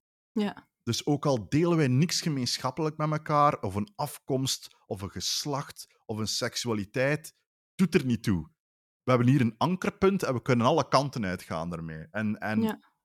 dat, is, allee, dat is het fijne wel aan bij nog aan het kijken of zo. Omdat Ja. ook veel mensen al op voorhand zeggen, als ik ze uitnodig, zo, ja, maar ik ben niet grappig. Ik zeg, ja, maar je moet niet grappig zijn. Ja. Like, je mocht dat aan mij overlaten. Als je, maar maar allee, het is niet de clue. Allee, je moet gewoon kunnen praten over iets. Ja, ja. Ja. Ja, ik Dus- vond dat heel... Ja, en zo leren... Sorry. Ja, Nee, nee, nee, gewoon... Like, Nee, ik vond dat gewoon wel heel tof. om, ja, ik, ik weet nog dat ik, dat ik bij Welcome to the EE zat en, en dat wij om de duur aan het praten waren over like, trans mensen. Mhm. En, en we waren vooral heel veel... Ik had gewoon in één keer in door van, we zijn hier wel heel veel would have, could have, should aan het doen. Hey, Zo van... Eigenlijk moeten we het een keer vragen aan iemand die Mm. echt trans is. Maar we hebben Ja. intussen wel 40 minuten boel met elkaar Mm. over gemaakt, zonder eigenlijk een stap vooruit te zetten. Ja. Dus ik, had dat, ik heb dat ook onthouden daarvan. En ik heb dat gewoon meegepakt naar mijn eigen podcast. Van, en, ik, en ook gewoon gezegd van... En ik ga ook gewoon die vragen stellen dat ik heb. Ook al zijn die misschien te kortzichtig, maar het zijn wel de vragen die ik heb. Weet je, en ik heb liever antwoord dan. En, en ik heb Mhm. het me liever uitgelegd op de juiste persoon, dan dat ik het zoals zelf probeer in te vullen. Ja, we hebben onlangs ook een aflevering gehad over stotteren. Dat is natuurlijk nog iets helemaal anders, maar dat is ook Mhm. iets wat mensen niet durven benoemen. Of, Ja. of zo wat om, ronddansen. En daarom hebben wij ook gesproken met, met die Charlotte Roggeman, die zelf ook een podcast heeft over stotteren en zo. En Mhm. wat daar ook vooral uitkwam, was van ja, vraag het gewoon. Ja. Maak het bespreekbaar. Mhm. Ja, inderdaad. Zo vraag het gewoon en educate yourself ook een klein beetje. Ja, want ja. het is ook niet hun... Allee, zij wel, want die hebben die podcast, maar het is ook niet de bedoeling van transpersonen dat die aan iedereen uitleggen wat een transpersoon is. Ook niet. Ja, ja. Maar daarom is dat wel goed als er zo'n podcast bestaan, ook al is dat super niche, Mhm. dat als er mensen vragen hebben, dat ze wel ergens naartoe kunnen gaan. Zonder mensen op straat te moeten tegenhouden. Hé, hey, jij bent trans, geef me alle antwoorden. Je, ik- ik- het is gewoon een voordeel dat je als host... Ja, eigenlijk als host moet hij het publiek spelen. Hè. Hm. Jij hebt de Hm. vragen, jij hebt die mensen uitgenodigd, dus ja, je spiegelt, spiegelt gewoon wat dat de mensen willen horen, hè, op een simpele manier. Eh, het tweede titeltje dat ik voor u had gekozen was Mhm. eh, Scherpe cinefiel. Eh, Ja, Gedurende vijf jaar heb je al die conferentie van Altijd voor Bekeken gehad, waarin dat Vlaamse tv en cinema kritisch werden bekeken. Mhm. Eh, de show heeft een eigen hashtag en er komen ook altijd andere grappige hashtags uit, zoals hashtag spooksex. Spooksex. Forever. Eh, altijd grappig en altijd bonkerop, vind ik ook. Dank u. En daar komt ook één voor, voor mij toch de, een van de meest memorabele Alexander de Rijke momenten uit voor mij. Mhm. Ehm, dat heb ik nu drie keer gezegd. Eh, het stuk waarin dat je eigenlijk nieuwe buren bespreekt van, van Karen en James. Mhm. En dat je daar eigenlijk even het zo stil maakte in de zaal. Van, dat heeft mij echt beledigd, dat programma. Mhm. En dat gaf mij echt kippenvel. En, en je hebt Daniel Sloss ook al benoemd. Dat doet mij er Mhm. ook al aan- denken van met die overleden zus. Zo een beetje... Ja, tilt een persoonlijke insteek. Ja, we hebben het er eigenlijk al een beetje over gehad. Mhm. Tilt dat je comedy naar een hoger niveau. En is het belangrijk van zo wat te spelen met de emoties van het publiek. Ja, weet je, het, het, het, ehm, eerlijkheid verdedigt uw comedymateriaal ook. Hè. Mm. Like, in, mijn, in mijn geval, like in Daniel Sloss zijn geval met zijn dode zus, ehm, het- is dat ook gewoon bekeken vanuit een, een artistiek, artistiek standpunt, gewoon een soort van eeuwig gevecht met je publiek van stop met grommen en lacht. Allee, Mm. Ik liet het toe, zij liet het Mm. toe, mijn ouders laten het toe. Kom jong, zet er u een keer over. Ja. Dat, is, dat gaat zelfs nog voorbij hem. Dat gaat echt over de vorm van comedy. Van kom, onderwijs u eigenlijk Ja. een beetje. Doe een keer voort, zeg. ja. Ehm, en bij mij was het dan meer een ding van... Ik weiger... Ik weiger dat, het voor bekeken, herleid worden naar een BV-bash-show. Ja. Ik weet dat een groot deel van de mensen dat het leukste daaraan vinden. Een Mm. soort van ongefilterd gewoon roepen dat Niels de Stadsbader een lul is. Maar ik, ik, ik, ik hanteer wel een paar regels binnen mijn eigen comedy. Mm. Eh, zoals daar zei, als ze niks nieuws gemaakt hebben dat jaar, zitten ze niet in de show. Tot grote teleurstelling van de mensen. Want hebt ieder jaar mensen die ze James Cook erin, ga je kappen op Niels, blablabla. Ik zeg, ja, maar hangt er vanaf wat hij gedaan heeft. Allee, dat, Ja, ja. eh, en bij James was dat gewoon een ding van... Dat is gestart als een... Haha, wie is James Cook? Hm. Ehm, en dat is geëindigd als... Wie de fuck is James Cook eigenlijk? Om, Mhm. Omdat... Dat begon bij, bij, ehm, ja, bij Nieuwe Buren en, en je zag die zo wat opdraven. En, en de originele insteek was vooral van... Oh, amai, gelijk, geven ze nu ook al gewoon talkshows aan theaterproducers? Omdat dat was het ook een beetje, hè, weet je, dat, dat als ik altijd zei, ik, Ja. ik was al een feestje aan het maken op internet, met iedere keer als er een artikel verscheen over James, met gewoon te schrijven, oké, en wie is James Cook? Eh, tot op het punt dat hij zelf tegen mij zei van, ja, maar ja, je zegt het altijd, wie is James Cook? Maar ik zal ik je zeggen wie James Cook is. Ik ben kijk, een theaterproducer en denk van, dat is waar, maar zo werkt het normaal niet. Nee. Het, is niet het is niet als er ergens gelijk een programma een host nodig heeft, dan ze zeggen van bel met alle theaterproducers in Vlaanderen. Like dat, dat, zo, dat is niet de insteek daarachter. En dan krijg je de nieuwe buren, Ja. wat dan zo... Like, ja, voor mij een aanval was op iets, omdat armoede werd herleid naar een levensstijl. En dat, dat kan ik, ik niet aan. Dat kan ik echt niet aan. Ik, en, en kijk, ik, ik ben, om nu te zeggen dat ik... Ik was niet gechoqueerd. Weet het gaat daar allemaal niet over. Ik ben niet teergevoelig. Ik ben Ja. niet meer gechoqueerd. Er zijn niet echt moppen dat mij kwetsen of zo. Like, dat, dat kan dat wel allemaal aan. Maar ik ben wel altijd een mens of zo. En, en in, in dat geval ben ik gewoon een mens die naar tv aan het kijken is. En die zie wel gelijk een programma en twee rijke BV's een loopje nemen met armoede alsof dat het iets is dat je voor gekozen hebt vaak. Hm. En, en ik denk Mm. van, weet je mannetjes, het is, het is niet zo grappig en ik ga echt eerlijk zijn. like, ik ben blij dat er geen camera's op mijn jeugd gezet zijn. En ik vind het tof voor jullie dat je dat hilarisch vindt om zo wat...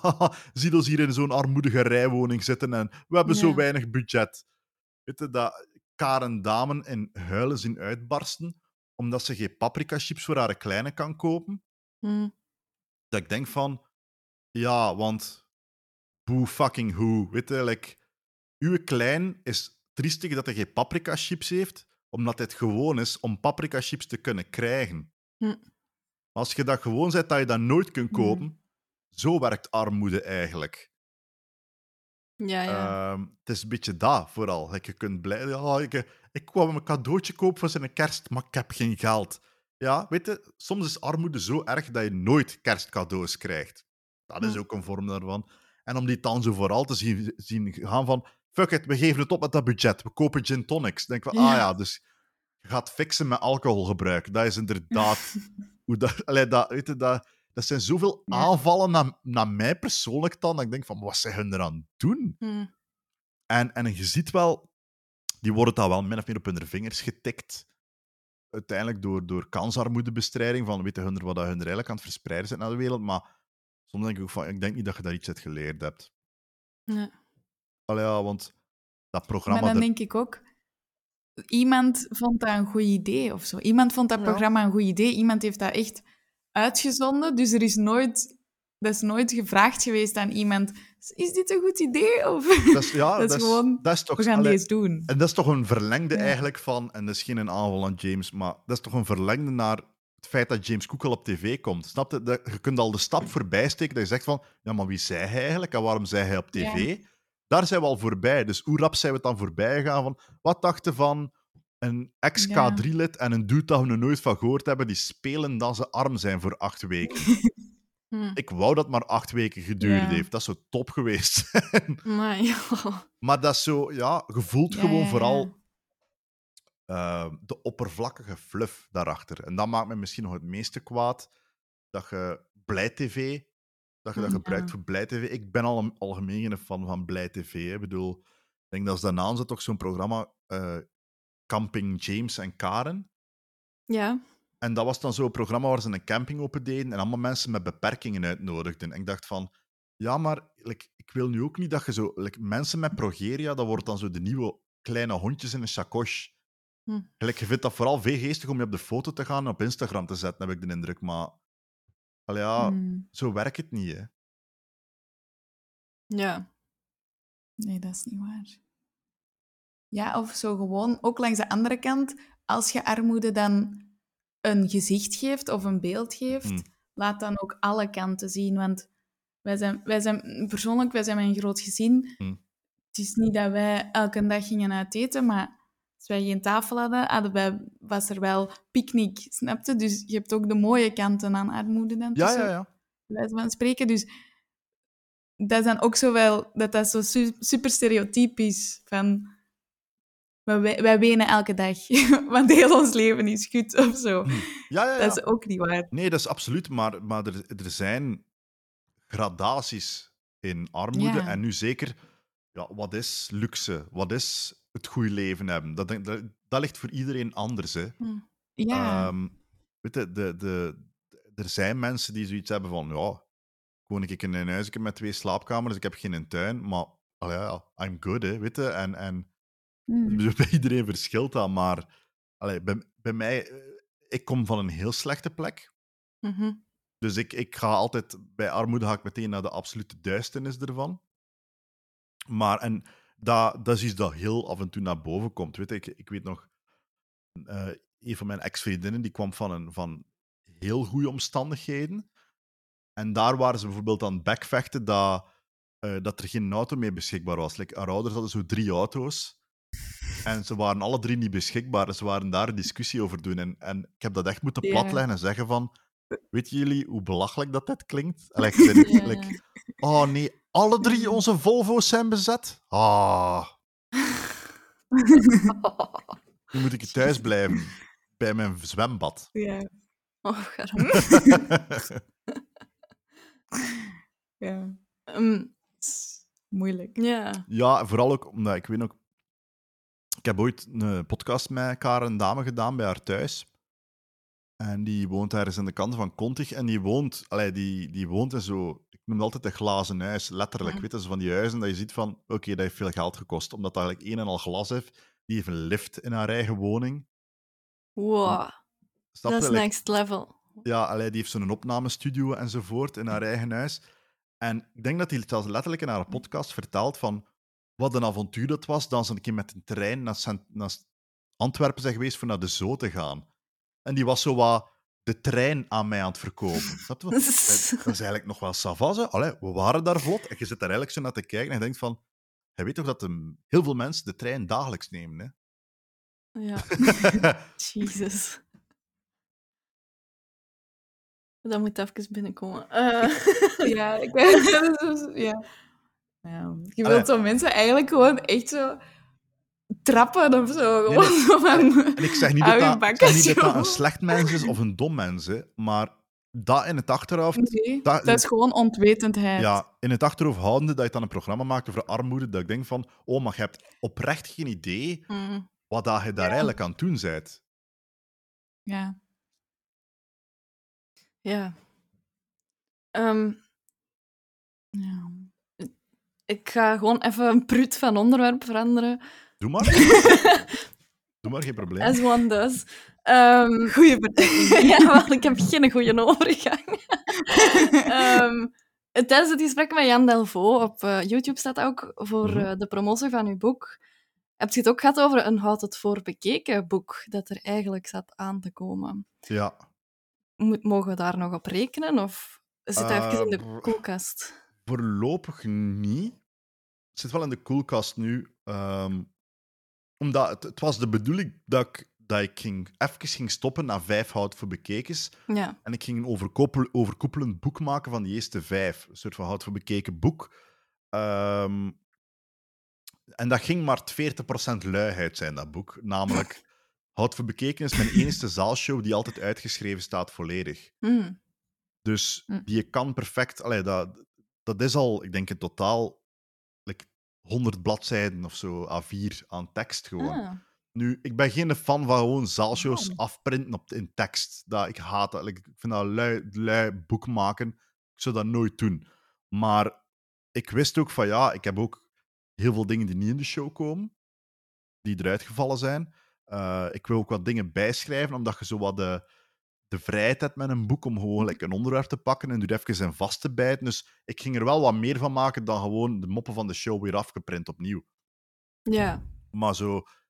Ik had ook allerlei ideeën om daar zo domme dingen in te steken. Hè. Zo, like een, een, eh, ik wou zo heel graag... ehm, ik heb wel zo verbinte puntjes, dat je zo een tekening hebt. Maar ik wou Ja, ja. gewoon eh, een foto van Danny Verstraten en gewoon de plek waar zijn wenkbrauwen zaten. Ah. Zo 1, 2 en dan 3, 4, dat je gewoon wenkbrauwen geeft. Like, zo daar van die stomme, stomme grappen wou ik daarin zitten. Dus dat is zo waar ik een beetje mee aan het klieren was van wat kan ik niet in een show steken, maar wel in een boek. Ja. Ehm, maar ja, door- doordat de officiële vijfde show nooit gebeurd is, is dat Ja. boek wat van tafel gevallen en, en is de, de reboot van mijn biografie in de plek gekomen, wat ook sowieso ging gebeuren, maar gewoon Hm.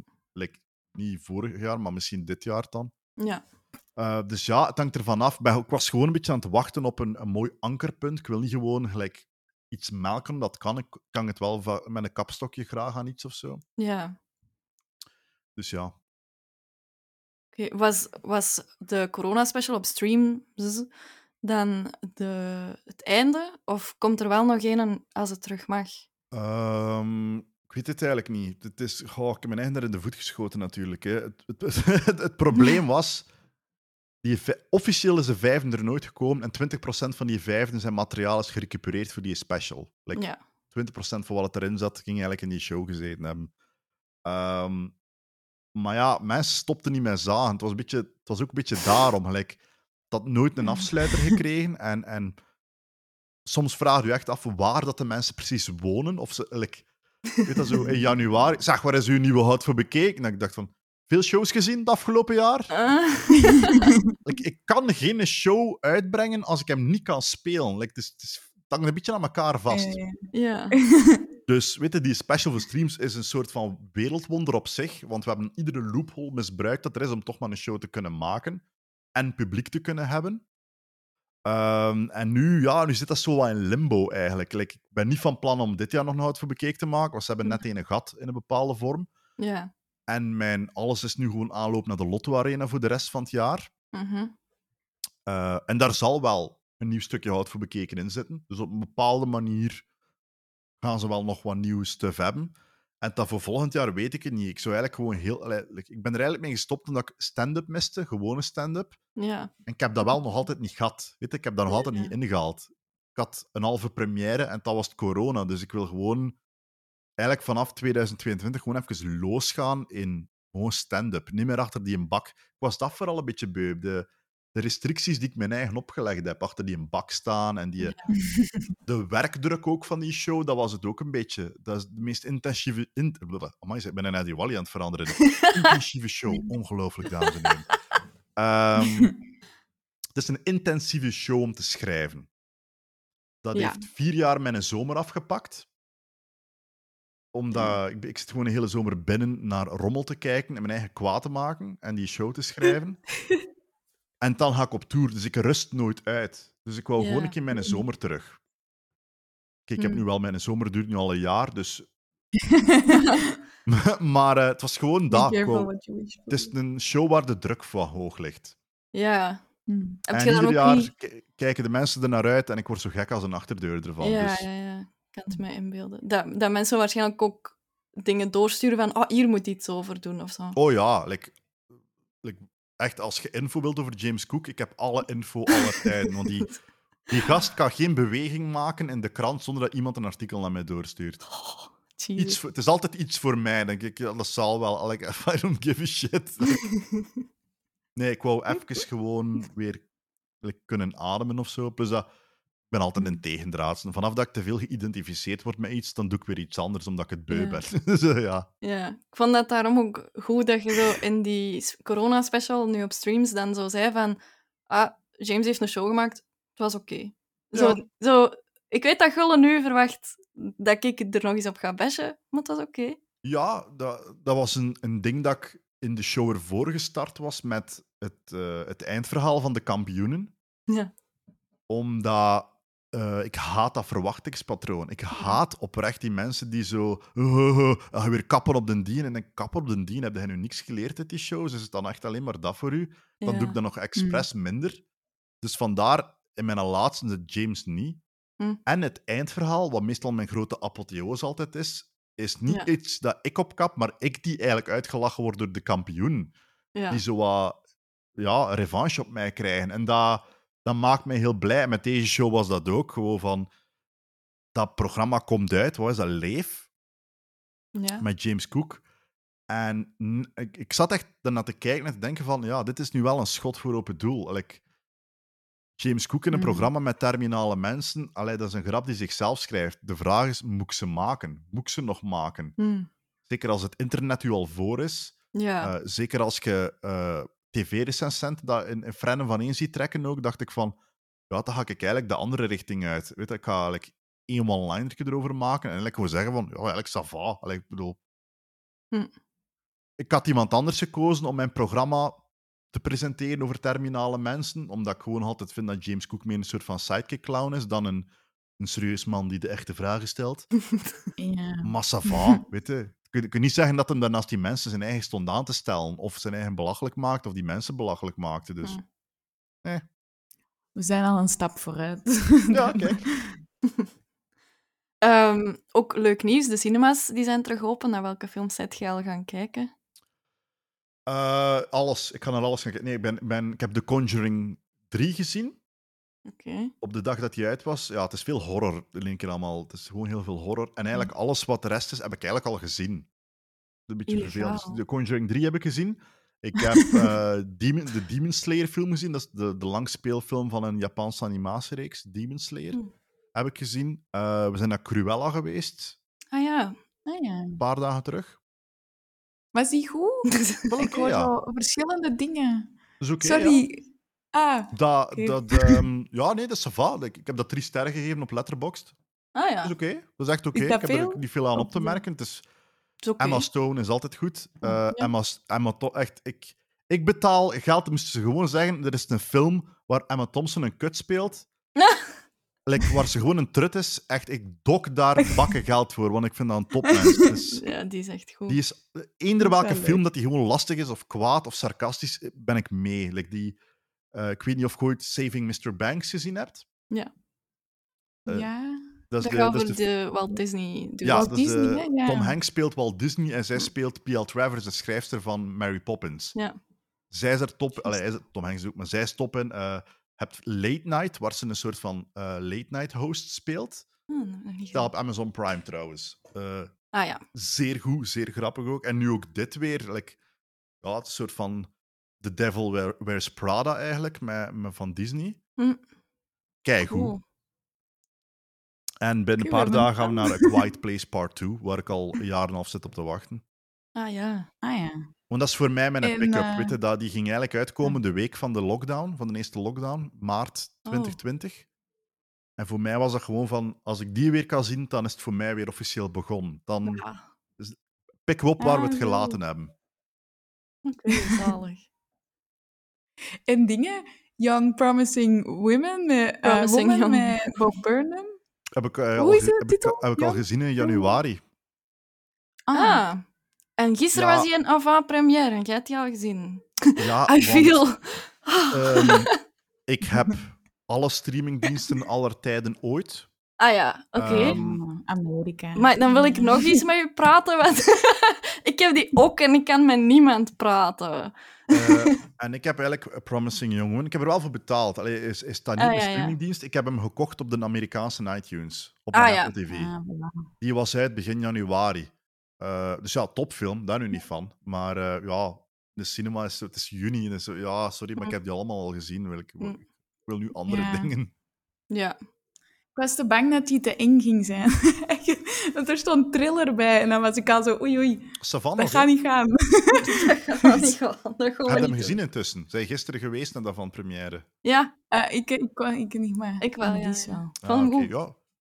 Ça va. Bob Burnham is eh twee meter en een half groot, hebben we nu volledig door. Nu dat we, nu dat we hem naast andere mensen gezien hebben, heb je door van, ah ja, die is fucking twee meter Dat is zo de groot. eerste keer ooit dat je die zo naast iemand anders ziet. Ah ja, anders Ja. staat hij altijd op het podium of nu alleen in, Ja. in zijn Ja, ik heb kamer. die- Dus. Ik heb die in Dude live gezien en, en ik kan dat, kon dat niet inschatten. Maar ja, hij was toen gelijk 19 of zoiets. en Dus, Ah ja. Oh. Nee, dat was Hmm. tien jaar geleden. Exact bijna tien jaar geleden. In eh, Londen, Maar- in Londen. Ah. Met een try-out van Wat. Ah ja. Ik, eh, ik heb u Oh. erover horen vertellen op Studio Brussel dat hem toen niet echt begrepen werd eh, door het Nee. publiek, eigenlijk. Wa, dat, ja, dat- kijk, Of ik, door de ik helft was fan van Bo Burnham toen. Allee, nog altijd, daar gaan daar niet over. Maar ik heb het wel voor comedians die liedjes maken. Ik heb het wel voor zingende comedians. Ik ben een hele grote Steven Lynch fan. En Steven Lynch is meer één op één de mop. Het is niet dat dat... Het is niet zo'n heel filosofisch vraagstuk gelijk Bo Burnham. Ja. Ehm, maar like, ja, ik, Mhm. daarmee, ik was fan van, van hier, ze liggen hier nog, van Bo Burnham door, ehm, door de muziek gewoon, want hij had like, twee of drie cd's uit. Eh, dat is. Words, Words, Words en eh, gewoon Bo Burnham heet die cd. Dus ik dacht, ah ja, en dat speelde die in Londen. En, en dat was een try-out van wat? En dat was al meer in die richting dat je hem nu kent. Gewoon Hmm. van, ah, het is niet allemaal van lachen, lachen, lachen. Het is ook gewoon heel veel diep filosofisch gemijmer en, en ongemakkelijke stiltes en klieren met de vorm. En je voelde dat wel. Je voelde dat die zaal gevuld was met mensen die ook kwamen onder het mom van ah, grappige liedjes. ja. En medisch kregen van, oh wauw, het is niet helemaal grappige liedjes. Je voelde de verdeling. De ene deel van het publiek was zo naar Spaanse televisie aan het kijken. Het is kleurrijk, er beweegt veel, maar geen idee wat er aan het gebeuren is. En de andere helft van het publiek had zoiets van, ik denk dat we hier iets speciaals aan het meemaken zijn. Hm. En effectief zo, want ik denk tegen dat Ja. wat uitkwam, heeft hem ook zo YouTube half gebroken eigenlijk. En, en ja, comedy op een bepaalde manier. En nu weer opnieuw, hè. ja, Inside is echt eh chic. Mhm. Wil je daar nog over praten, Hestia? Of mag ik naar het volgende? Ik ga me proberen inhouden. Oké. Ehm, het volgende titeltje is tweevoudig autobiograaf. Mhm. Ehm, ja, je hebt het zelf ook al gezegd. En er is een reboot van uw eerste boek. Het leven is kak en dan wordt het grappig. Mhm. En die heet Bekend en Bescheiden. Ja. Ehm, ja, die verscheen eind 2020. Mhm. En ik heb het gelezen, proficiat. Het was boeiend, soms ook wel pijnlijk om te lezen. Dank u wel. En ook eh, kudos naar Michelle, uw vriendin, die, die er mee aan geholpen heeft. Mhm. Ehm, was dat therapeutisch voor u, of toch eerder moeilijk om zo sommige moeilijke momenten terug te beleven?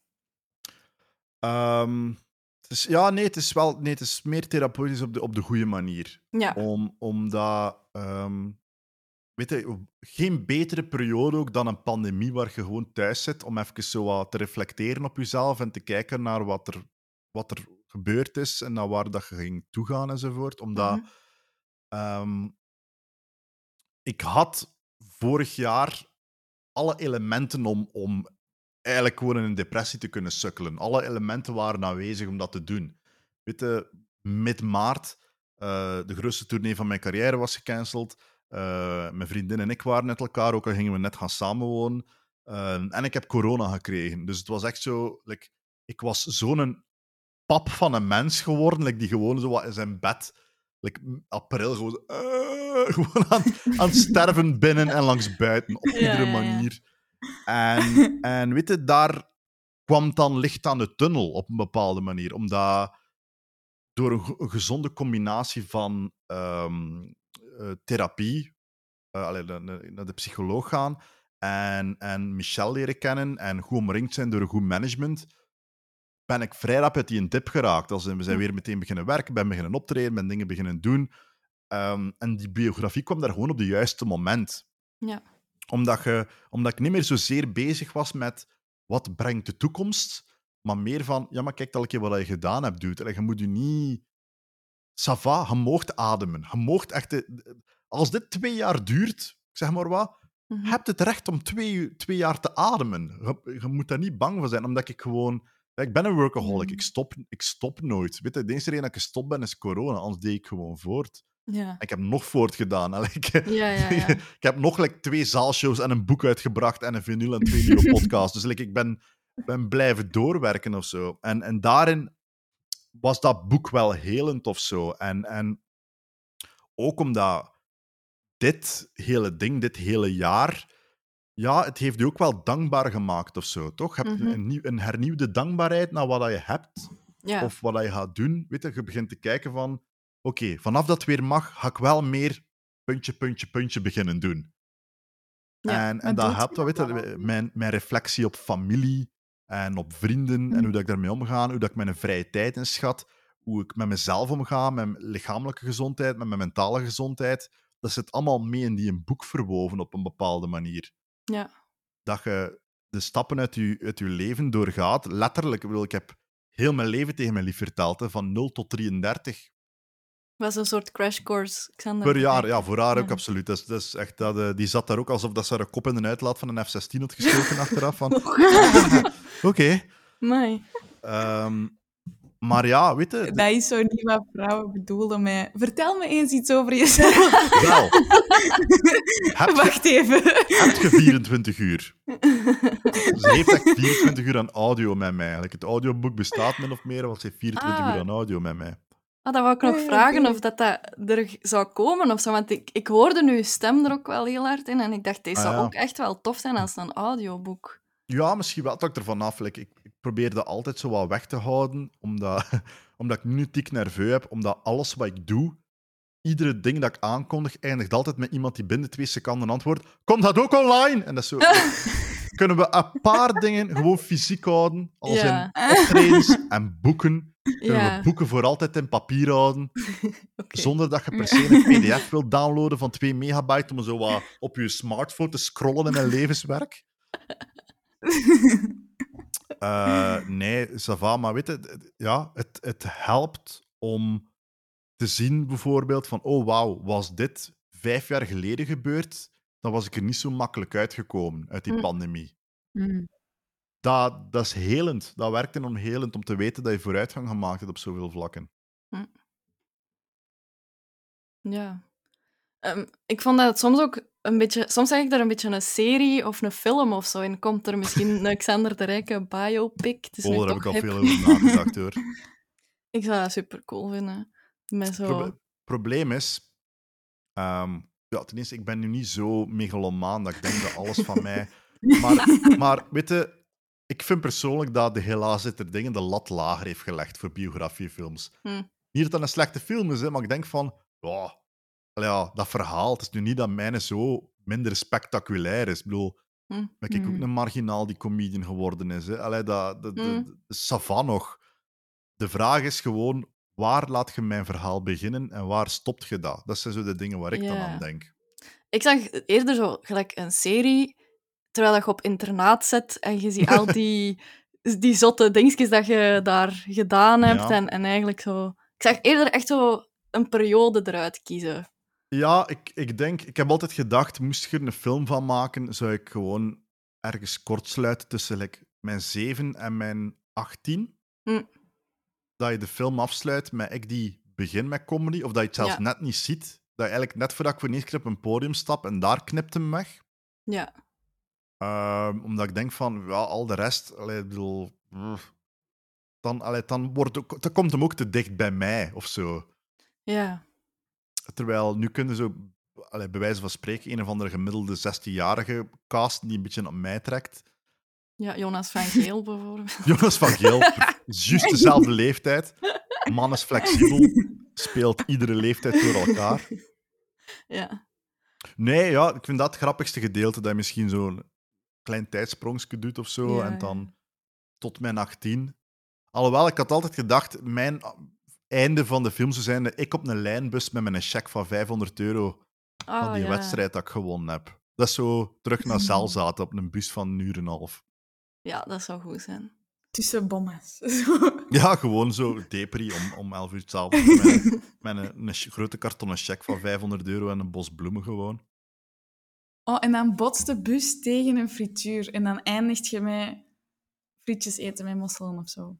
Want daar staat dan ook een mosselkraam Ah ja. of zo. En dan Ik dacht zo, hij ging ah, zeggen van, en dan zeg ik van, heb je ook gefrituurde bessen? Iedereen zo, oh zo, wauw, heeft toen niet. al, toen al heeft hij de fundering gelegd voor een COVID-special op streams. Twee woorden dat we nog nooit gehoord hebben in 2005. COVID of streams. Kon, hè? Zo. Het zou goed zijn. Ja. Ehm, wat ik ook super interessant vond, was dat je zei of dat je eigenlijk striptekenaar wou worden. Ja. En ik vroeg me af, je ziet de vraag al aankomen, komt er ooit een strip van u, van uw hand? Nee, want ik, ik, kan, ik kan niet goed genoeg tekenen. Ik heb, allee, ik heb gewoon... eh, Moest dat iets meer ontwikkeld zijn, mijn tekenen? Vroeger, vroeger had ik wel zo... eh, vroeger had ik dat meer in mijn hand, om zo mannetjes te tekenen enzovoort. En, en ik tekende ze ook allemaal in de stijl van Urbanus, hè. Ah ja. Omdat ik zoveel Urbanus las, ehm teken ik die allemaal in de stijl van Urbanus. Ik ben letterlijk aan het tekenen terwijl ik het aan het doen ben, om te zien hoe goed dat ik nog ben. Ah ja. niks. Keigoed. Ehm oh, de rijke. Heb je dat ook? Als, dat, als je ene keer dat je uit de middelbare school bent, dat je gewoon niet meer kunt schrijven.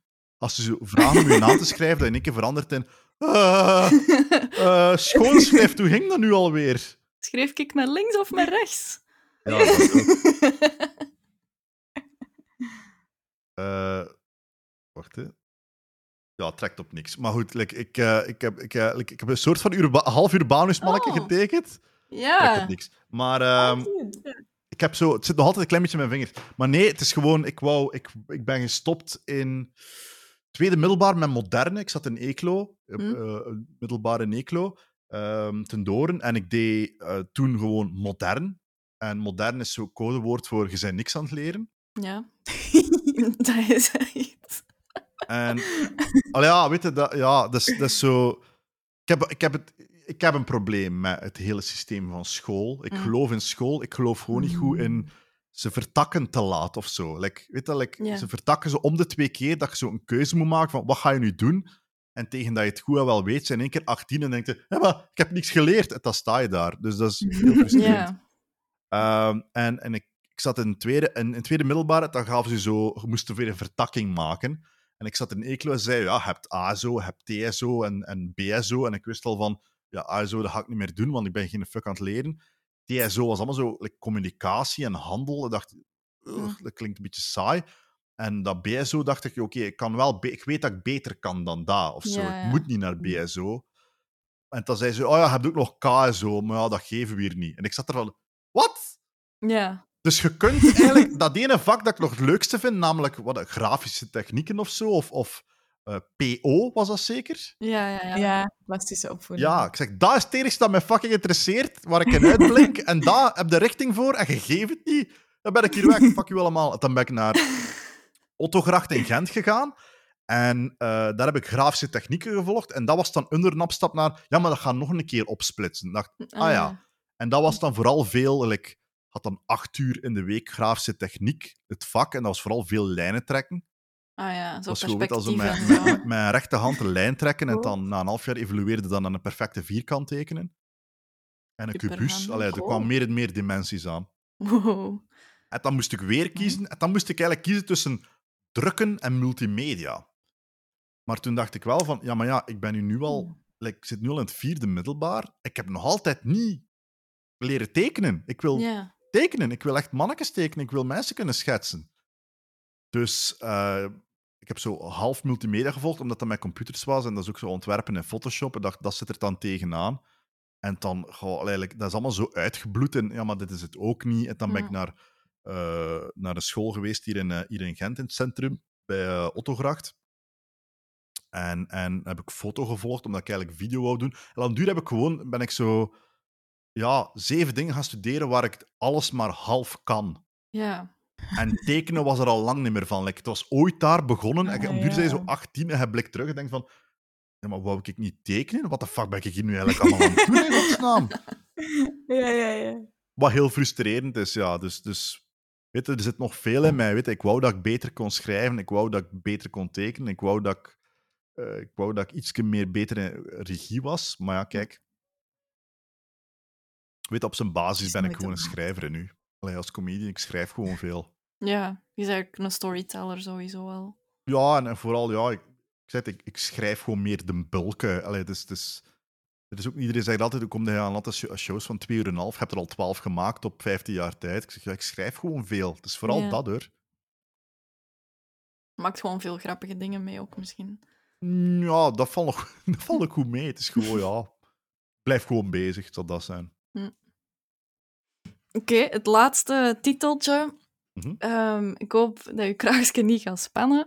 Is eh, COVID Volksheld. Covid Ehm, volksheld, eindelijk. Die arme Mark van Rantje zit daar ergens in een safehouse op, zijn, op met zijn telefoon. Verveel mij. Tussen waar ik de Covid volksheld ben. Top. Oké. eh, Zeg dat niet te luid, hè, dat ik niet een militair aan mijn deur heb. Ja, ja, ja. Ehm, het is vooral omdat je tijdens corona heel actief bezig bent geweest met contentcreatie, terwijl dat wij normale mensen brood zaten te bakken en eh, aan te wandelen waren.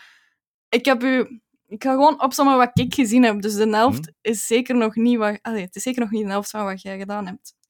Ik heb u samen met de neveneffecten zien kijken naar Eddie Wally tapes. Mhm. Ik heb u Planet Zoo zien spelen op Twitch. Ja. Waarna dat ik dat spel ook zelf gekocht heb. of course. Ehm, ik heb uw corona-tapes zien doen, corona-talkies. En dan was er nog uw autobiografie, de tweede Mhm. dan. Eh, die nieuwe podcast, Mhm. eh, die zaalshow, openluchtzaalshow dan, uitgerust en immuun. Mhm. Eh, en dan nog de Houd het voor bekeken COVID-special op streams. Ja. What the fuck? Oeh, Ja? waar haalt je die creatieve energie? Van waar blijft dat komen? Ehm, ja, het, is, het komt allemaal voort uit een pathetische nood aan aandacht op een bepaalde Ah. manier. Wat het sowieso deels dat. Tuurlijk. Allee, bedoel, ik, ik kan er niet, ik kan niet laten van te entertainen. Ik heb altijd al willen entertainen hoor. Weet ik, ik, het is nu wat ik doe, of het nu in het middelbaar heel slechte jackass-filmpjes maken en doen alsof dat we echt de film aan het draaien zijn, of, Hm. of stomme photoshops en, uh, uh, doen en, en nu stand-up en alles wat erbij komt, zelfs Twitch tot een bepaalde manier. Ik bedoel, wat een, wat een waanzin. Ik- snap volledig dat Twitch een ding is in deze tijd. Ja. Dat we- want we zijn op een punt gekomen dat mensen zo zeggen van, wilde hij zeggen dat ik gewoon videospelletjes kan spelen? En zo was het een lal tegen mijn eigen. En je kunt daar geld zelfs mee verdienen in 2021. Ja, dat is... ik snap volledig. Ik snap dat volledig. Want ik, ik geloof... Een van de paar dingen dat een mens nodig heeft om te overleven is aandacht. Hm. Dus dat was vooral voor uzelf eigenlijk dat je dat gedaan hebt. Deels. Deels. Maar Ja. ook, eh, en dat is de andere, de andere reden ervan, ik vind het gewoon nog altijd heel belangrijk dat, dat mensen na dit alles herinneren dat ik een comedian was of zo. Ja, ja. Ehm, want ik heb het al gezegd en er, zit, er huist een bepaalde bitterheid in. Ik ben een komiek in Vlaanderen en comedy is geen cultuur volgens cultuur. ja. En het is u misschien opgevallen het afgelopen jaar, het was niet echt een topjaar voor cultuur. Eh, cultuur heeft veel moeten zagen, cultuur heeft veel acties moeten doen. Ze hebben veel Facebook-kaders gedaan, veel open brieven geschreven. Ja. En het is u misschien al ook opgevallen dat comedians nooit die brieven ondertekenen. Snap je? Like, wij zijn daar nooit bij Ah, ja. betrokken. Je ziet nooit niet op. Het zijn altijd zo theatergezelschappen en, en Mm. muzikanten. En je ziet nooit comedians in de naam daarop staan. En dat is voornamelijk omdat wij zoiets hebben van... Ja, ça va. ja. Allee, we, we doen wel voort. We vinden wel een manier, omdat we hebben dat altijd al moeten doen. Een comedian is ten eerste in het land altijd zelfbedruipend geweest. Ja. Je weet, ik heb nooit afgehangen van een abonnementsysteem of van subsidies of al die andere zever. Dus Sava, wij weten nu dat we onze eigen centjes moeten maken en ons eigen publiek bespelen, want we hebben er nooit van afhankelijk geweest. En, en vooral, het laatste wat mensen nodig hadden dit jaar was nog gezaag van een ander. ja. Ik kan er gewoon niet aan doen, maar dat is, dat is dan een persoonlijk dingetje. Hè. Ik kan dat echt niet maken dat ik... eh, eh, eh, mijn onkel heeft een café, mijn beste maat heeft een café. Ik kan dat niet, kan dat niet zien gebeuren dat horeca zo geleden heeft dit jaar. Of, of eender welke job dat je doet. Studenten, juist hetzelfde. Ik, ik kijk niet neer op studenten. Ik geloof dat studenten het moeilijk gehad hebben het afgelopen jaar. Ik geloof dat echt. Ze- Wie ben ik om dan daar zo wat tussen te gaan staan en zeggen... Ja, maar met mij gaat het ook moeilijk, hoor. Ik heb al zeven maand geen piemelmop meer op een podium kunnen vertellen. Wanneer wordt er een keer aan mij? Ik kan dat niet. Ik kan dat niet. Ik, ik heb dat niet in mij. Ik heb Ja. die soort Mm. pretentie heb ik niet in mij. Dus we doen voort. Mijn plan was vooral, eh, als dit voorbij is en de mensen kunnen weer komen zien, wil ik dan ze goesting hebben om mij weer te zien. En niet dan ze een soort van slechte nasmaak van mij gekregen hebben van amai, die heeft ook wat afgezaagd op sociale media, hoor. Ja. Of om iedere, ieder praatprogramma op de hoek van de tafel te gaan zitten en met mijn vuist op tafel te kloppen. En wanneer wordt er een keer aan cultuur gedacht?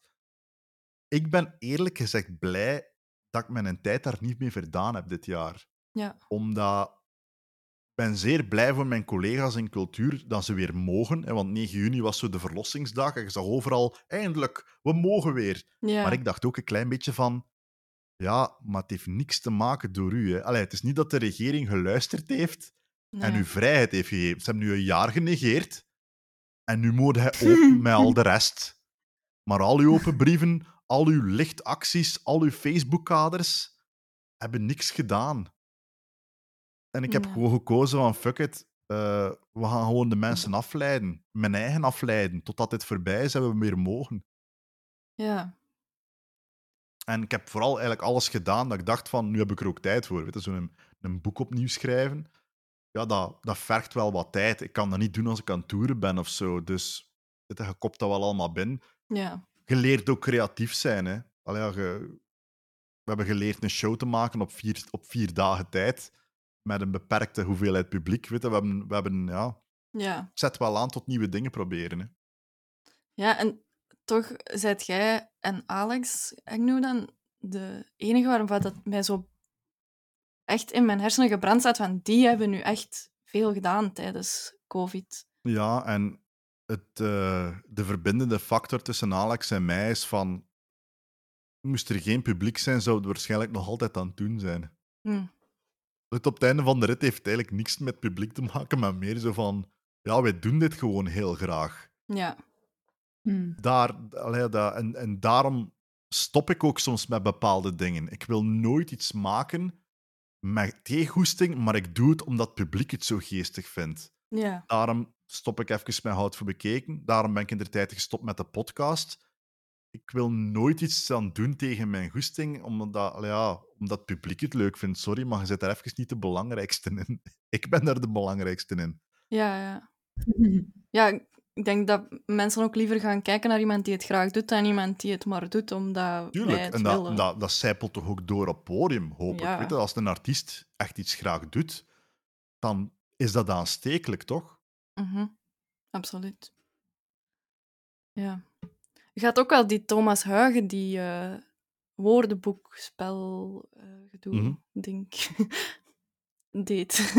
Ja, ja. Eh, was dat dan een soort concurrentie tussen jullie twee? Of was dat gewoon van, we bestaan los van elkaar? Oh, geen idee. Ik heb Thomas Huig al niet meer gezien sinds dat ik bij de Ideale Wereld werkte. Dus eh, Hmm. I- I- ja, I don't really give a shit. Weet je? ik doe het maar op. allee. Ik zou het zo zeggen, als het op het internet is, zie ik niks als concurrentie. Ah ja. Want je zegt geen Ah. tv-zender. Je zit toch niet tegenover elkaar voor een tijdslot te vechten? Dat is waar. Weet je, dat, dat... Hetzelfde met podcasts ook. Like, ik was even in twijfel om Moslem half 2 zat altijd op maandag. En dat is nu terug. En like, Welcome to the EE zit ook op maandag. En, en iedereen was zo... Oeh, nek aan nek. Ik zeg, maar niks nek aan nek, want je luistert toch naar een podcast wanneer dat je wil. Ja. Gelu- eh, Op, op maandag, kijk, ik luister maar naar twee podcasts. Dus ehm, Conan O'Brien zijn podcast en een andere podcast die heet Gilbert Gottfried's Amazing Colossal Podcast. Komen allebei op maandag uit en ja, ik luister dan naar de een en daarna naar de andere. Of naar de een en drie dagen later naar de andere. Weet je, het is het internet. Ja, ja. Er is geen wachtrij, er is geen queue. Het is wanneer dat jij goesting hebt. Waar. Je, je ziet daar ook een beetje een, een splitsing in tussen zo echt snackable content op TikTok Mhm. en zo, dat ook grappig kan zijn. En eh, dan de meer longform content, dat zo op YouTube en de podcasts en zo. Ja. Ik, ik vraag me af hoe dat, dat dan eh, de, de toekomst van comedy gaat beïnvloeden. Gaan we nog naar een podium komen kijken? Of... Ik denk dat wel. Ik denk dat, ik denk dat, dat ik denk, denk dat zelfs COVID dat niet kapot gaat krijgen hoor. Het, ehm, het live gegeven, zelfs de cinema niet. Ik bedoel, Hm. ja, we hebben nu een jaar allemaal binnengezeten. Eigenlijk het laatste wat ik nu nog wil doen is een nieuwe film weer thuis bekijken. Ik Ja, ken het daar waar. nu al, weet je. Ik ben klaar. Ik, ik, eh, ik zou graag nog een keer een film zien zonder dat mijn kat constant voor het scherm gaat gaan zitten en alles probeert te vangen wat er beweegt. Weet je, de... Weet je, dat, ja, ik zei, het is, dat is het mooie aan het internet. Hè. Ik Hm. bedoel, niemand zit achter de veren aan. Ehm je dwingt niks op. Ja. Dat vind ik ook altijd leuk. Weet je, like, tv en radio zijn altijd een beetje opdringerig geweest, omdat mensen altijd reageren alsof dat je op hun zender zit en je komt een andere weggelopen als ze het niet goed vinden. ja. Terwijl op het internet komen ze naar u zoeken. Hm. komen ze bij u terecht. Ik ben ook een, like, een stickler in welke vorm dat iets is, hoor. Ik vind ook podcasts moeten altijd audio zijn. Ik ben geen fan van video. Dus zo, Moslim half 2 is nu terug en mensen zeggen, waarom zet dat niet op YouTube en film dat niet gelijk Welcome to the EE? Ik zeg omdat ik dat geen meerwaarde vind. Hm.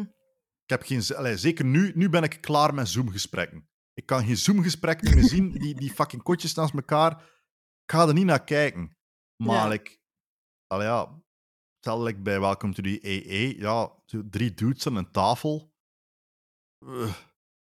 Allee, ik- ik zit ook nooit neer om naar een podcast te kijken. Snap? Het is niet dat ik like, zo mij klaarzet om naar iets te zien. Ik, ik doe Ja. dat als ik buiten loop of de afwas aan het doen ben of, of weet ik veel, op de trein zit, dan absorbeert het allemaal. Dus ik ben daar, ben daar heel specifiek in en alles.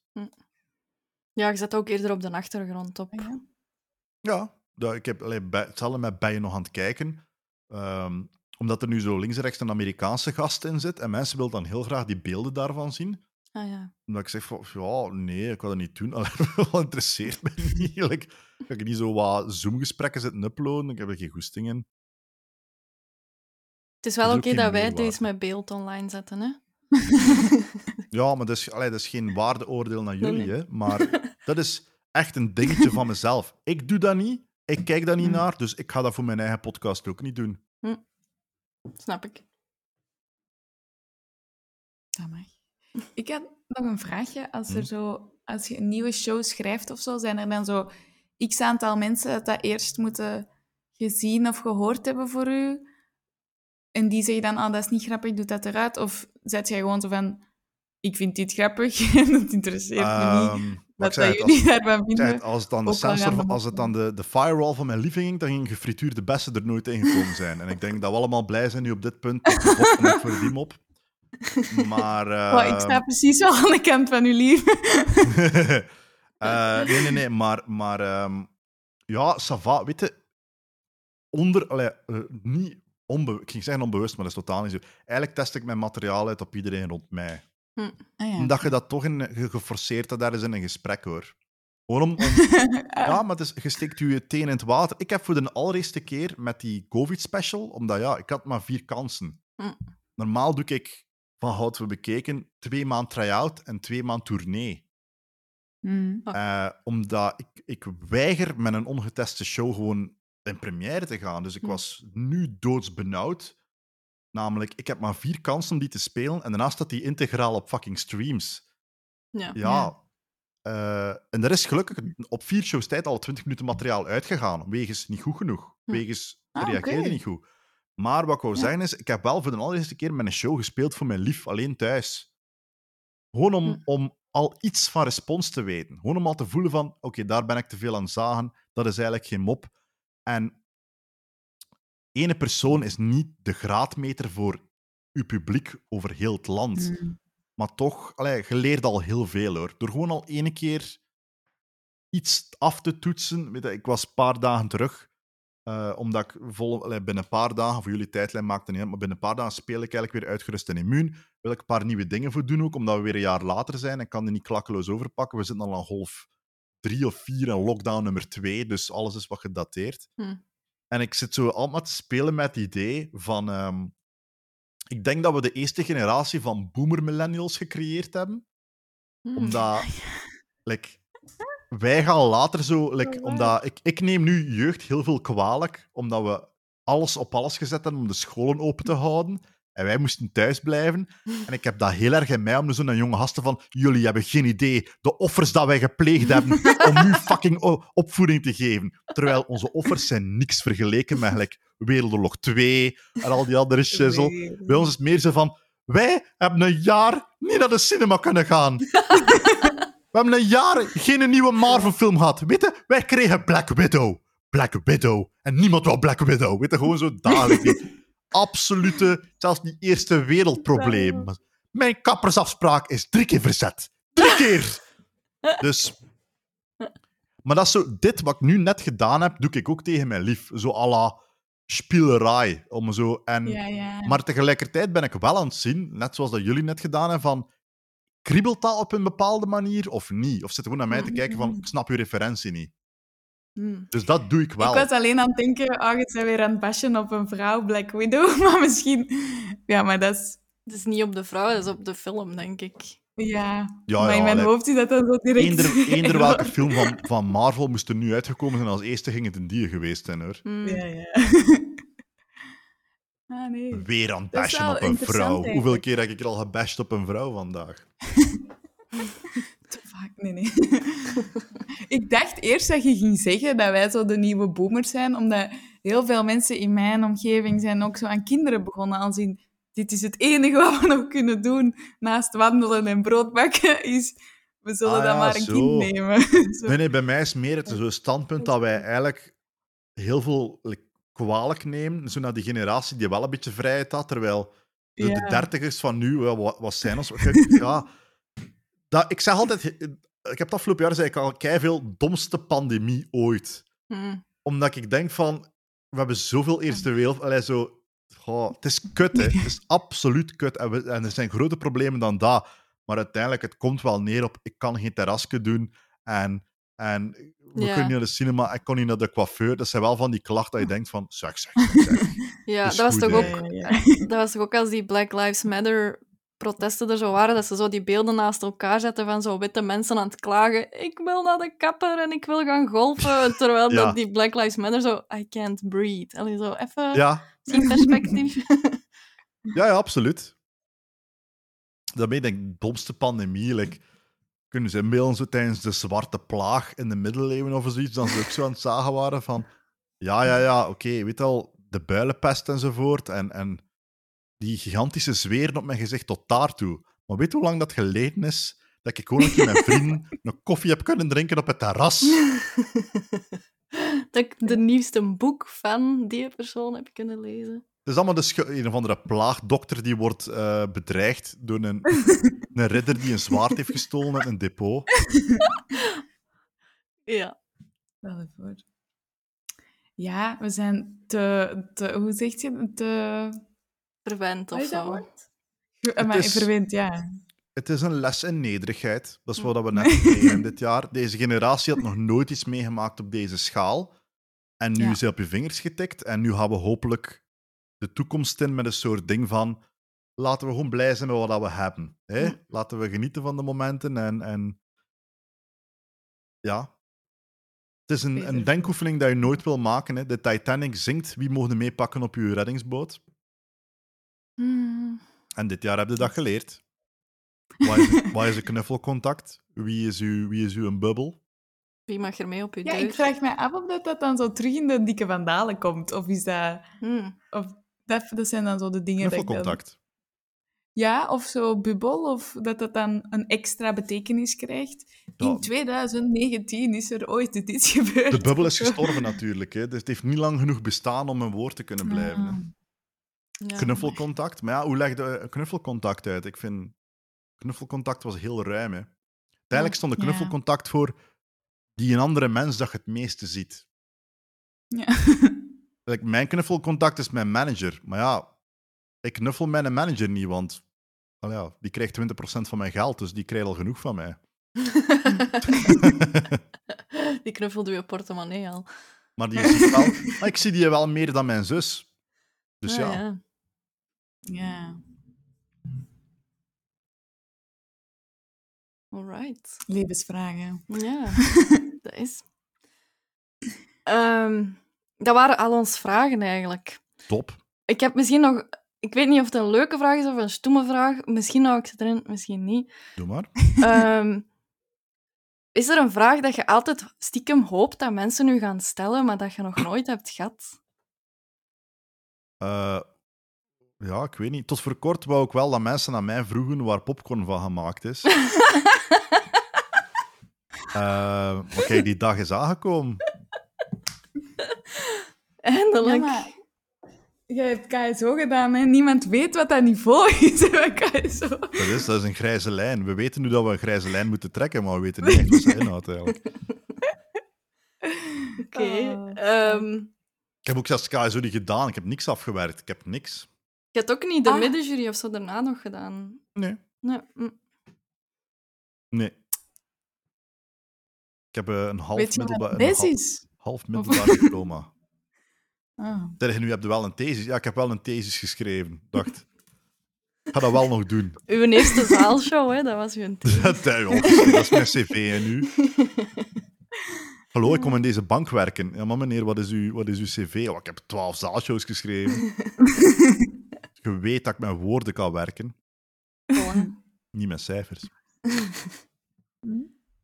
Ehm, onder uw documentaire eh, die je over uw grootvader hebt gemaakt, Mhm. Oscar, heb ik de volgende comment gelezen. Ik ga het Mhm. voorlezen. Stilletjes aan begint comedian wat te oneerbiedig te klinken voor u, Xander. Twee prachtige boeken, een documentaire, twee zaalshows, twee soorten zaalshows zelfs, twee podcasts, een strip, een talkshow, een nieuw programma. Correcter en eerbiediger zou zijn Xander de Rijke, artiest. En ik ben het daar eigenlijk keihard mee eens, want je zei voor mij eerder een creator, een, een creative.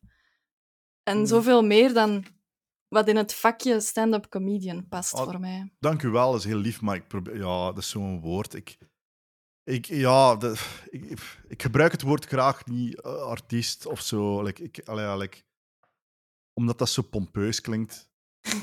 Weet je, allee, like, er is een lange tijd geweest dat ik, wat ik omschreef, wat ik doe. Like, like, eh, omdat in Amerika praten ze echt over hun art. Hm. When I'm making my art. En comedians zijn dat daar ook, when I'm making my art. Maar ik heb dat nu al twee of drie keer gezegd van ja, like mijn kunst. Mensen denken zo.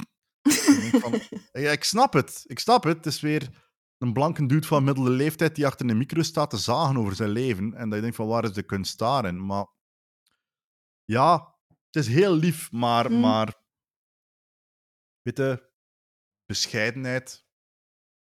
Ja, bekend en bescheiden. Ik word, het liever, ik word het liever genoemd dan dat ik het mijn eigen noem.